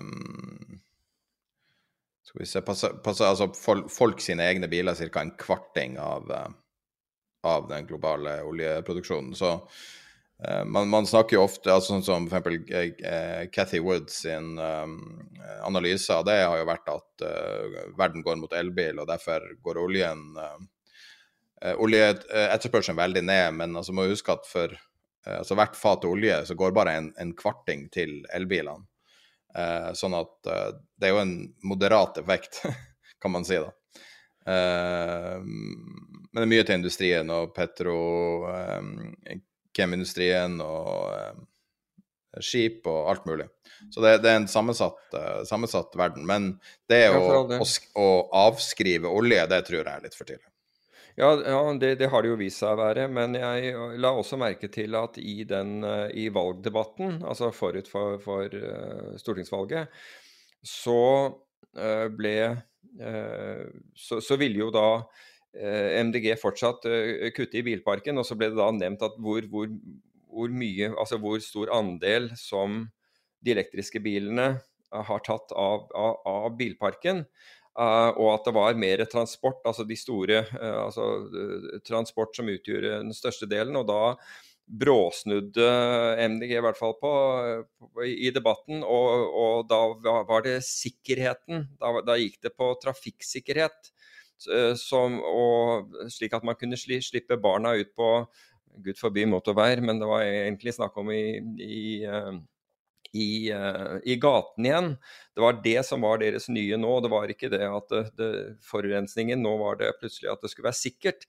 Og da tenker jeg det er jo altså hvis det, er, hvis det sted, så må det jo være i bilindustrien hvor man har økt Hvor man har vært innovativ når det gjelder, når det gjelder sikkerhet. Altså ikke bare sikkerhet for eh, fører, men også sikkerhet for, for trafikanter med alle mulige sensorer og, det, og, og, den type ting. Det virker ikke som uh, Uh, og det gjelder jo, altså, det gjelder jo elektri elektriske biler minst like mye som uh, fossildrevne biler. Men jeg la merke til at da var det plutselig en sånn retorikkendring. Når, uh, når, man ble konfrontert med at det var tungtransport og skip og den type ting som sto for store deler av, av, av forurensningen nå, og ikke bare og, og i mindre grad privatbilene. Men Uh, det er en, en, liten digresjon, men jeg, men jeg, kunne ikke annet enn å, le, å, å, legge merke til den. Men når vi er inne på energi, så er det jo også uh, artig å se litt, uh, se litt på alternativer innenfor strøm. vi har snakka mye om strøm tidligere, men innenfor grønn energi altså Problemet med grønn energi er jo at de ikke kan lagre det, ikke sant? som er da den store fordelen mm. med å ha Norge. Å ha Norge kobla på nettet, det at Norge fungerer som et batteri med at man kan holde tilbake vannreservene. Mm det som er interessant det finnes, og Når jeg var på Seychellene, hvis du har vært på Seychellene, så skjønner du sikkert hva jeg mener. Eh, ja. Det er veldig høy bakke i midten, og så faller det fra på alle steder. Det er sol hver eneste dag, det er kokvarmt, og eh, det bærer litt preg av å ha vært kommunistisk for 30-40 eh, år siden, og veldig sånn dysfunksjonell økonomi der. Mm. Um, og det som slo meg med en gang jeg var der, var hvorfor er det ikke noen som uh, kjører um, Um, noen kvadratkilometer med solcellepaneler for å skyve vann opp denne bakken for å kunne da ha energi eh, på natta. Eh, mm. Altså lagre energi med å da kunne sende vannet ned igjen. Og, så, og det var bare sånn jeg tenkte, ja, men det er sikkert en grunn til at ingen har gjort det. Men nå er det noen som har gjort mer eller mindre det, da. En som heter Bill Gross, han er en legende hvis du er, en, hvis du er, hvis du er nerd. Uh, han, ikke, ikke, den Bill Grossen du tenker på. en nei, annen Bill Gross. Han er ikke Pimco. Um, han uh, står bak et selskap som heter Energy Vault. Og, uh, og, det mistenker jeg kommer til å børsnoteres ganske snart, så det er greit å ha det med seg. Det selskapet i praksis Altså, de jobber med kinetisk energi. Så som et alternativ til sånne ting som molten salt, altså at man smelter salt og bruker det og lagrer det, veldig komplisert ting å gjøre. Men så kan man da bruke Energy Vault i stedet, som er da i praksis at de løfter tunge ting høyt opp når, de, når elektrisitet er billig og eh, etterspørselen er lav.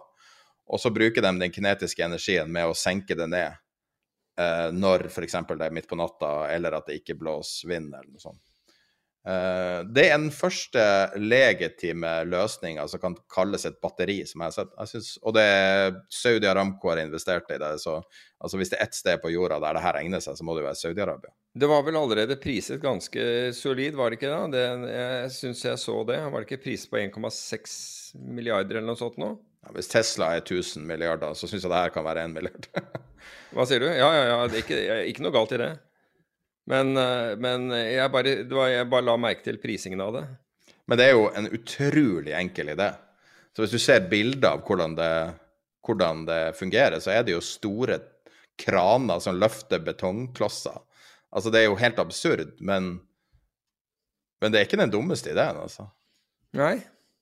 Du har selvfølgelig energitap i det, men det har det jo i alt å gjøre. Bortsett fra at eh, ja, jeg, jeg, har vel aldri sett mer hai under vann eh, enn eh, utenfor, utenfor kysten av Pralais, altså som er den ene av de, de seychelske øyene. Det var helt voldsomt. Så. Rett etter jeg var der, så leste jeg om haiangrep og Gjorde du? Ok. revurderte dykkinga jeg hadde gjort der. jeg, så aldri, jeg så aldri noe, og det har jeg aldri sett heller, aldri sett aggressiv oppførsel fra, fra hai under vann. men men der var det mye. Der var det virkelig mye hai. Altså. Jeg likte ikke Seychellen. Jeg syns ikke det var et bra sted å besøke. Og jeg syns Pralheim var, var, fin, fordi du kunne, det var også mulighet til å klatre. For det der fjellet der er jo veldig ekstremt friksjoner. Så jeg hadde med klatreutstyr og, og, ned dit også. Altså både tab og kiler og friends og hele den pakka. Og bortsett fra at det var utrolig skarpt utrolig skarpt. Altså du, hvis du la kneet borti fjellet mens du klatret, så, så, så, skar du deg. Og det gjorde selvfølgelig vondt når du gikk ut i det veldig salte vannet som er der. Er ikke det som vulkanøy? Tror det, jo, eh, det vet jeg faktisk ikke om det er, men det kan, kan, godt hende det. Men i hvert fall, det var, var, mange fine sånne klatresteder, ganske krevende klatresteder også. Det var et sted hvor jeg skulle rappellere ned, fikk jeg ikke ned tauet fordi det var så mye friksjon i selve fjellet at det hang fast. Jeg måtte rappellere, altså jeg måtte klatre opp igjen for å feste tauet, altså, og så prøve å feste tauet lavere hver gang for, jeg, for, å kunne få det ned. Så det var veldig spesielt. Ja. Um, vi har noen få ting her, vi har bare et par minutter igjen nå, så Ja, så Det ene jeg, jeg kunne tenke meg, fordi den, det der lyttespørsmålet har jo vært der uh, nå i tre uker, det der kan fond fritt benytte bytte eh, eller bytte til eh, referanseindekser når det passer forvalter. Kan vi, kan vi ta noe om det? Ja. Ja, altså Hele greia bak denne her er at, uh, at Norquant hadde en greie i Finansavisen, og jeg leste ikke den, den heller i, i Finansavisen, må jeg innrømme, men det var noen som sendte meg den. Og nå, nå, må jeg bare først disclose at jeg kjenner folk som, som jobber i uh, Norquant. Uh, ingen, uh, slik, slik, at det ikke er noe, no, no tvil.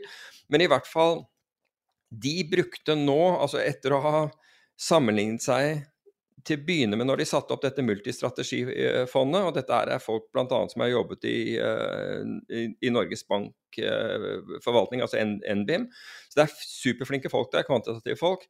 Men da sammenlignet de seg med Oslo Børs. Og nå plutselig så øh, hadde de nå øh, begynt å sammenligne seg med et kombinasjonsfond. Fordi fondet deres kan da plassere penger i, i aksjer, og, og, det er noe sånn som 60-70% i aksjer og i råvarer og bitte lite grann i eiendom. Og så sier vedkommende, som da sender meg noe fra jeg tror det er Verdipapirfondenes forening, hvor det står helt klart at uh, kombinasjonsfond i Norge da, uh, er da aksjer og obligasjoner. Og så kan du si, er det da riktig at et fond som, som investerer i aksjer og råvarer, gjennom ETF-er riktignok, skal sammenligne seg med, med, et kombinasjonsfond, vil ikke det alltid være bedre? Jo, antageligvis hvis ikke aksjemarkedet er i fritt fall, men de har jo allerede aksjer i denne porteføljen. Så hvis du tenker deg et fond som har 50% aksjer, 50% obligasjoner, som er kanskje en referanse for et kombinasjonsfond, så har du et fond da som har, la oss si 70% eller 60% aksjer, la oss si 70% aksjer og 30% råvarer, så, er, så, så, henger jo ikke det helt på, helt på, greip.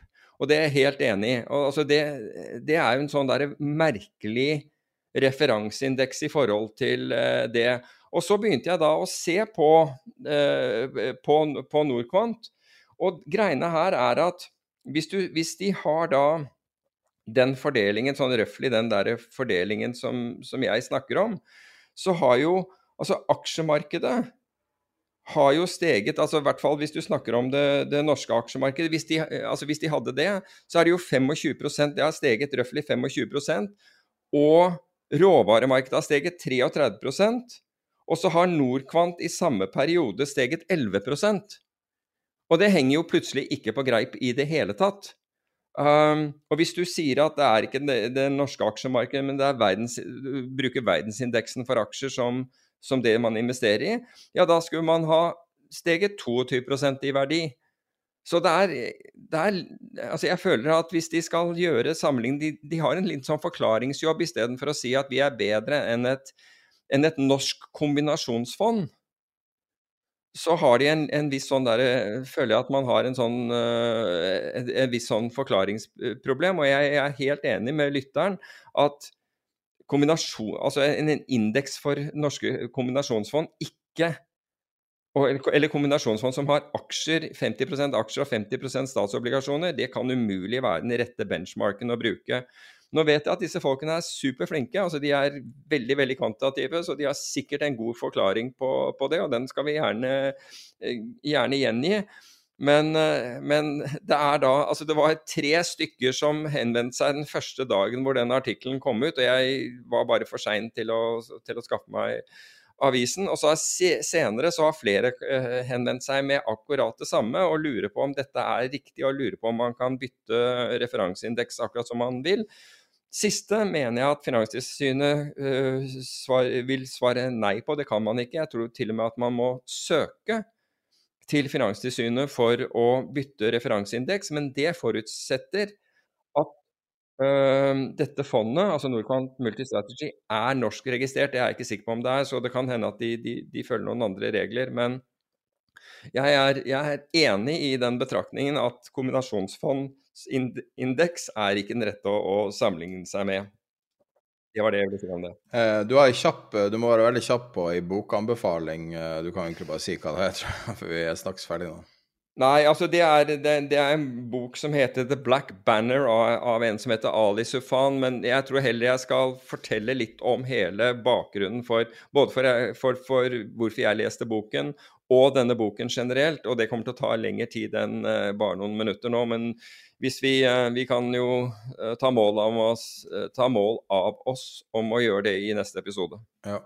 Så kan vi runde av med sitat av min, min venn Howard Linson, som jeg hørte i hans podkast. Jeg vil også anbefale hans podkast. Den heter 'Panic with Friends'. Det er Panic uh, with Friends? Ja, den er fantastisk. Ja, Howard er jo også med standup-komiker, så det er jo helt sykt okay. å høre på.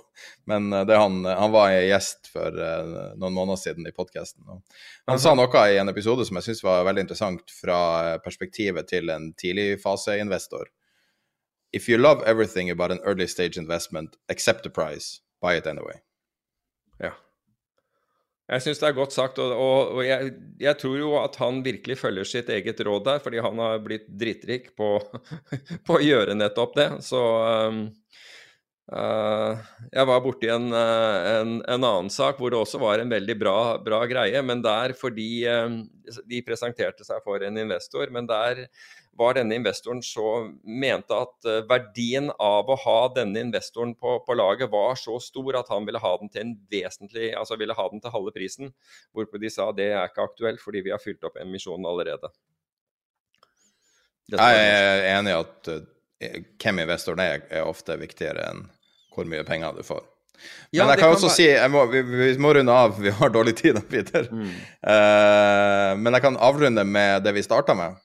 Donald Trump har blitt ca. 300 millioner dollar rikere i løpet av uh, i løpet av episoden. Ja. Jeg har jo laga et Excel-ark som følger realtime-verdien hans. Så akkurat nå er det 15,8 milliarder kroner som er verdien hans av uh, Dwack. Og jeg har omdøpt det i min infront til bare til Trump. For det, det, er opp 20 pre-market. Snakk om å stikke en kniv inn og vri om. Oh, det var vondt. Syns du ikke det er artig som et fenomen? Nei, jeg syns ikke det er artig engang. 3,2 milliarder i uh, market cap. Jeg klarer ikke å glede meg, over, jeg klarer ikke å glede meg over han. Altså, jeg gjør ikke det. Så Men, men. Meg om det.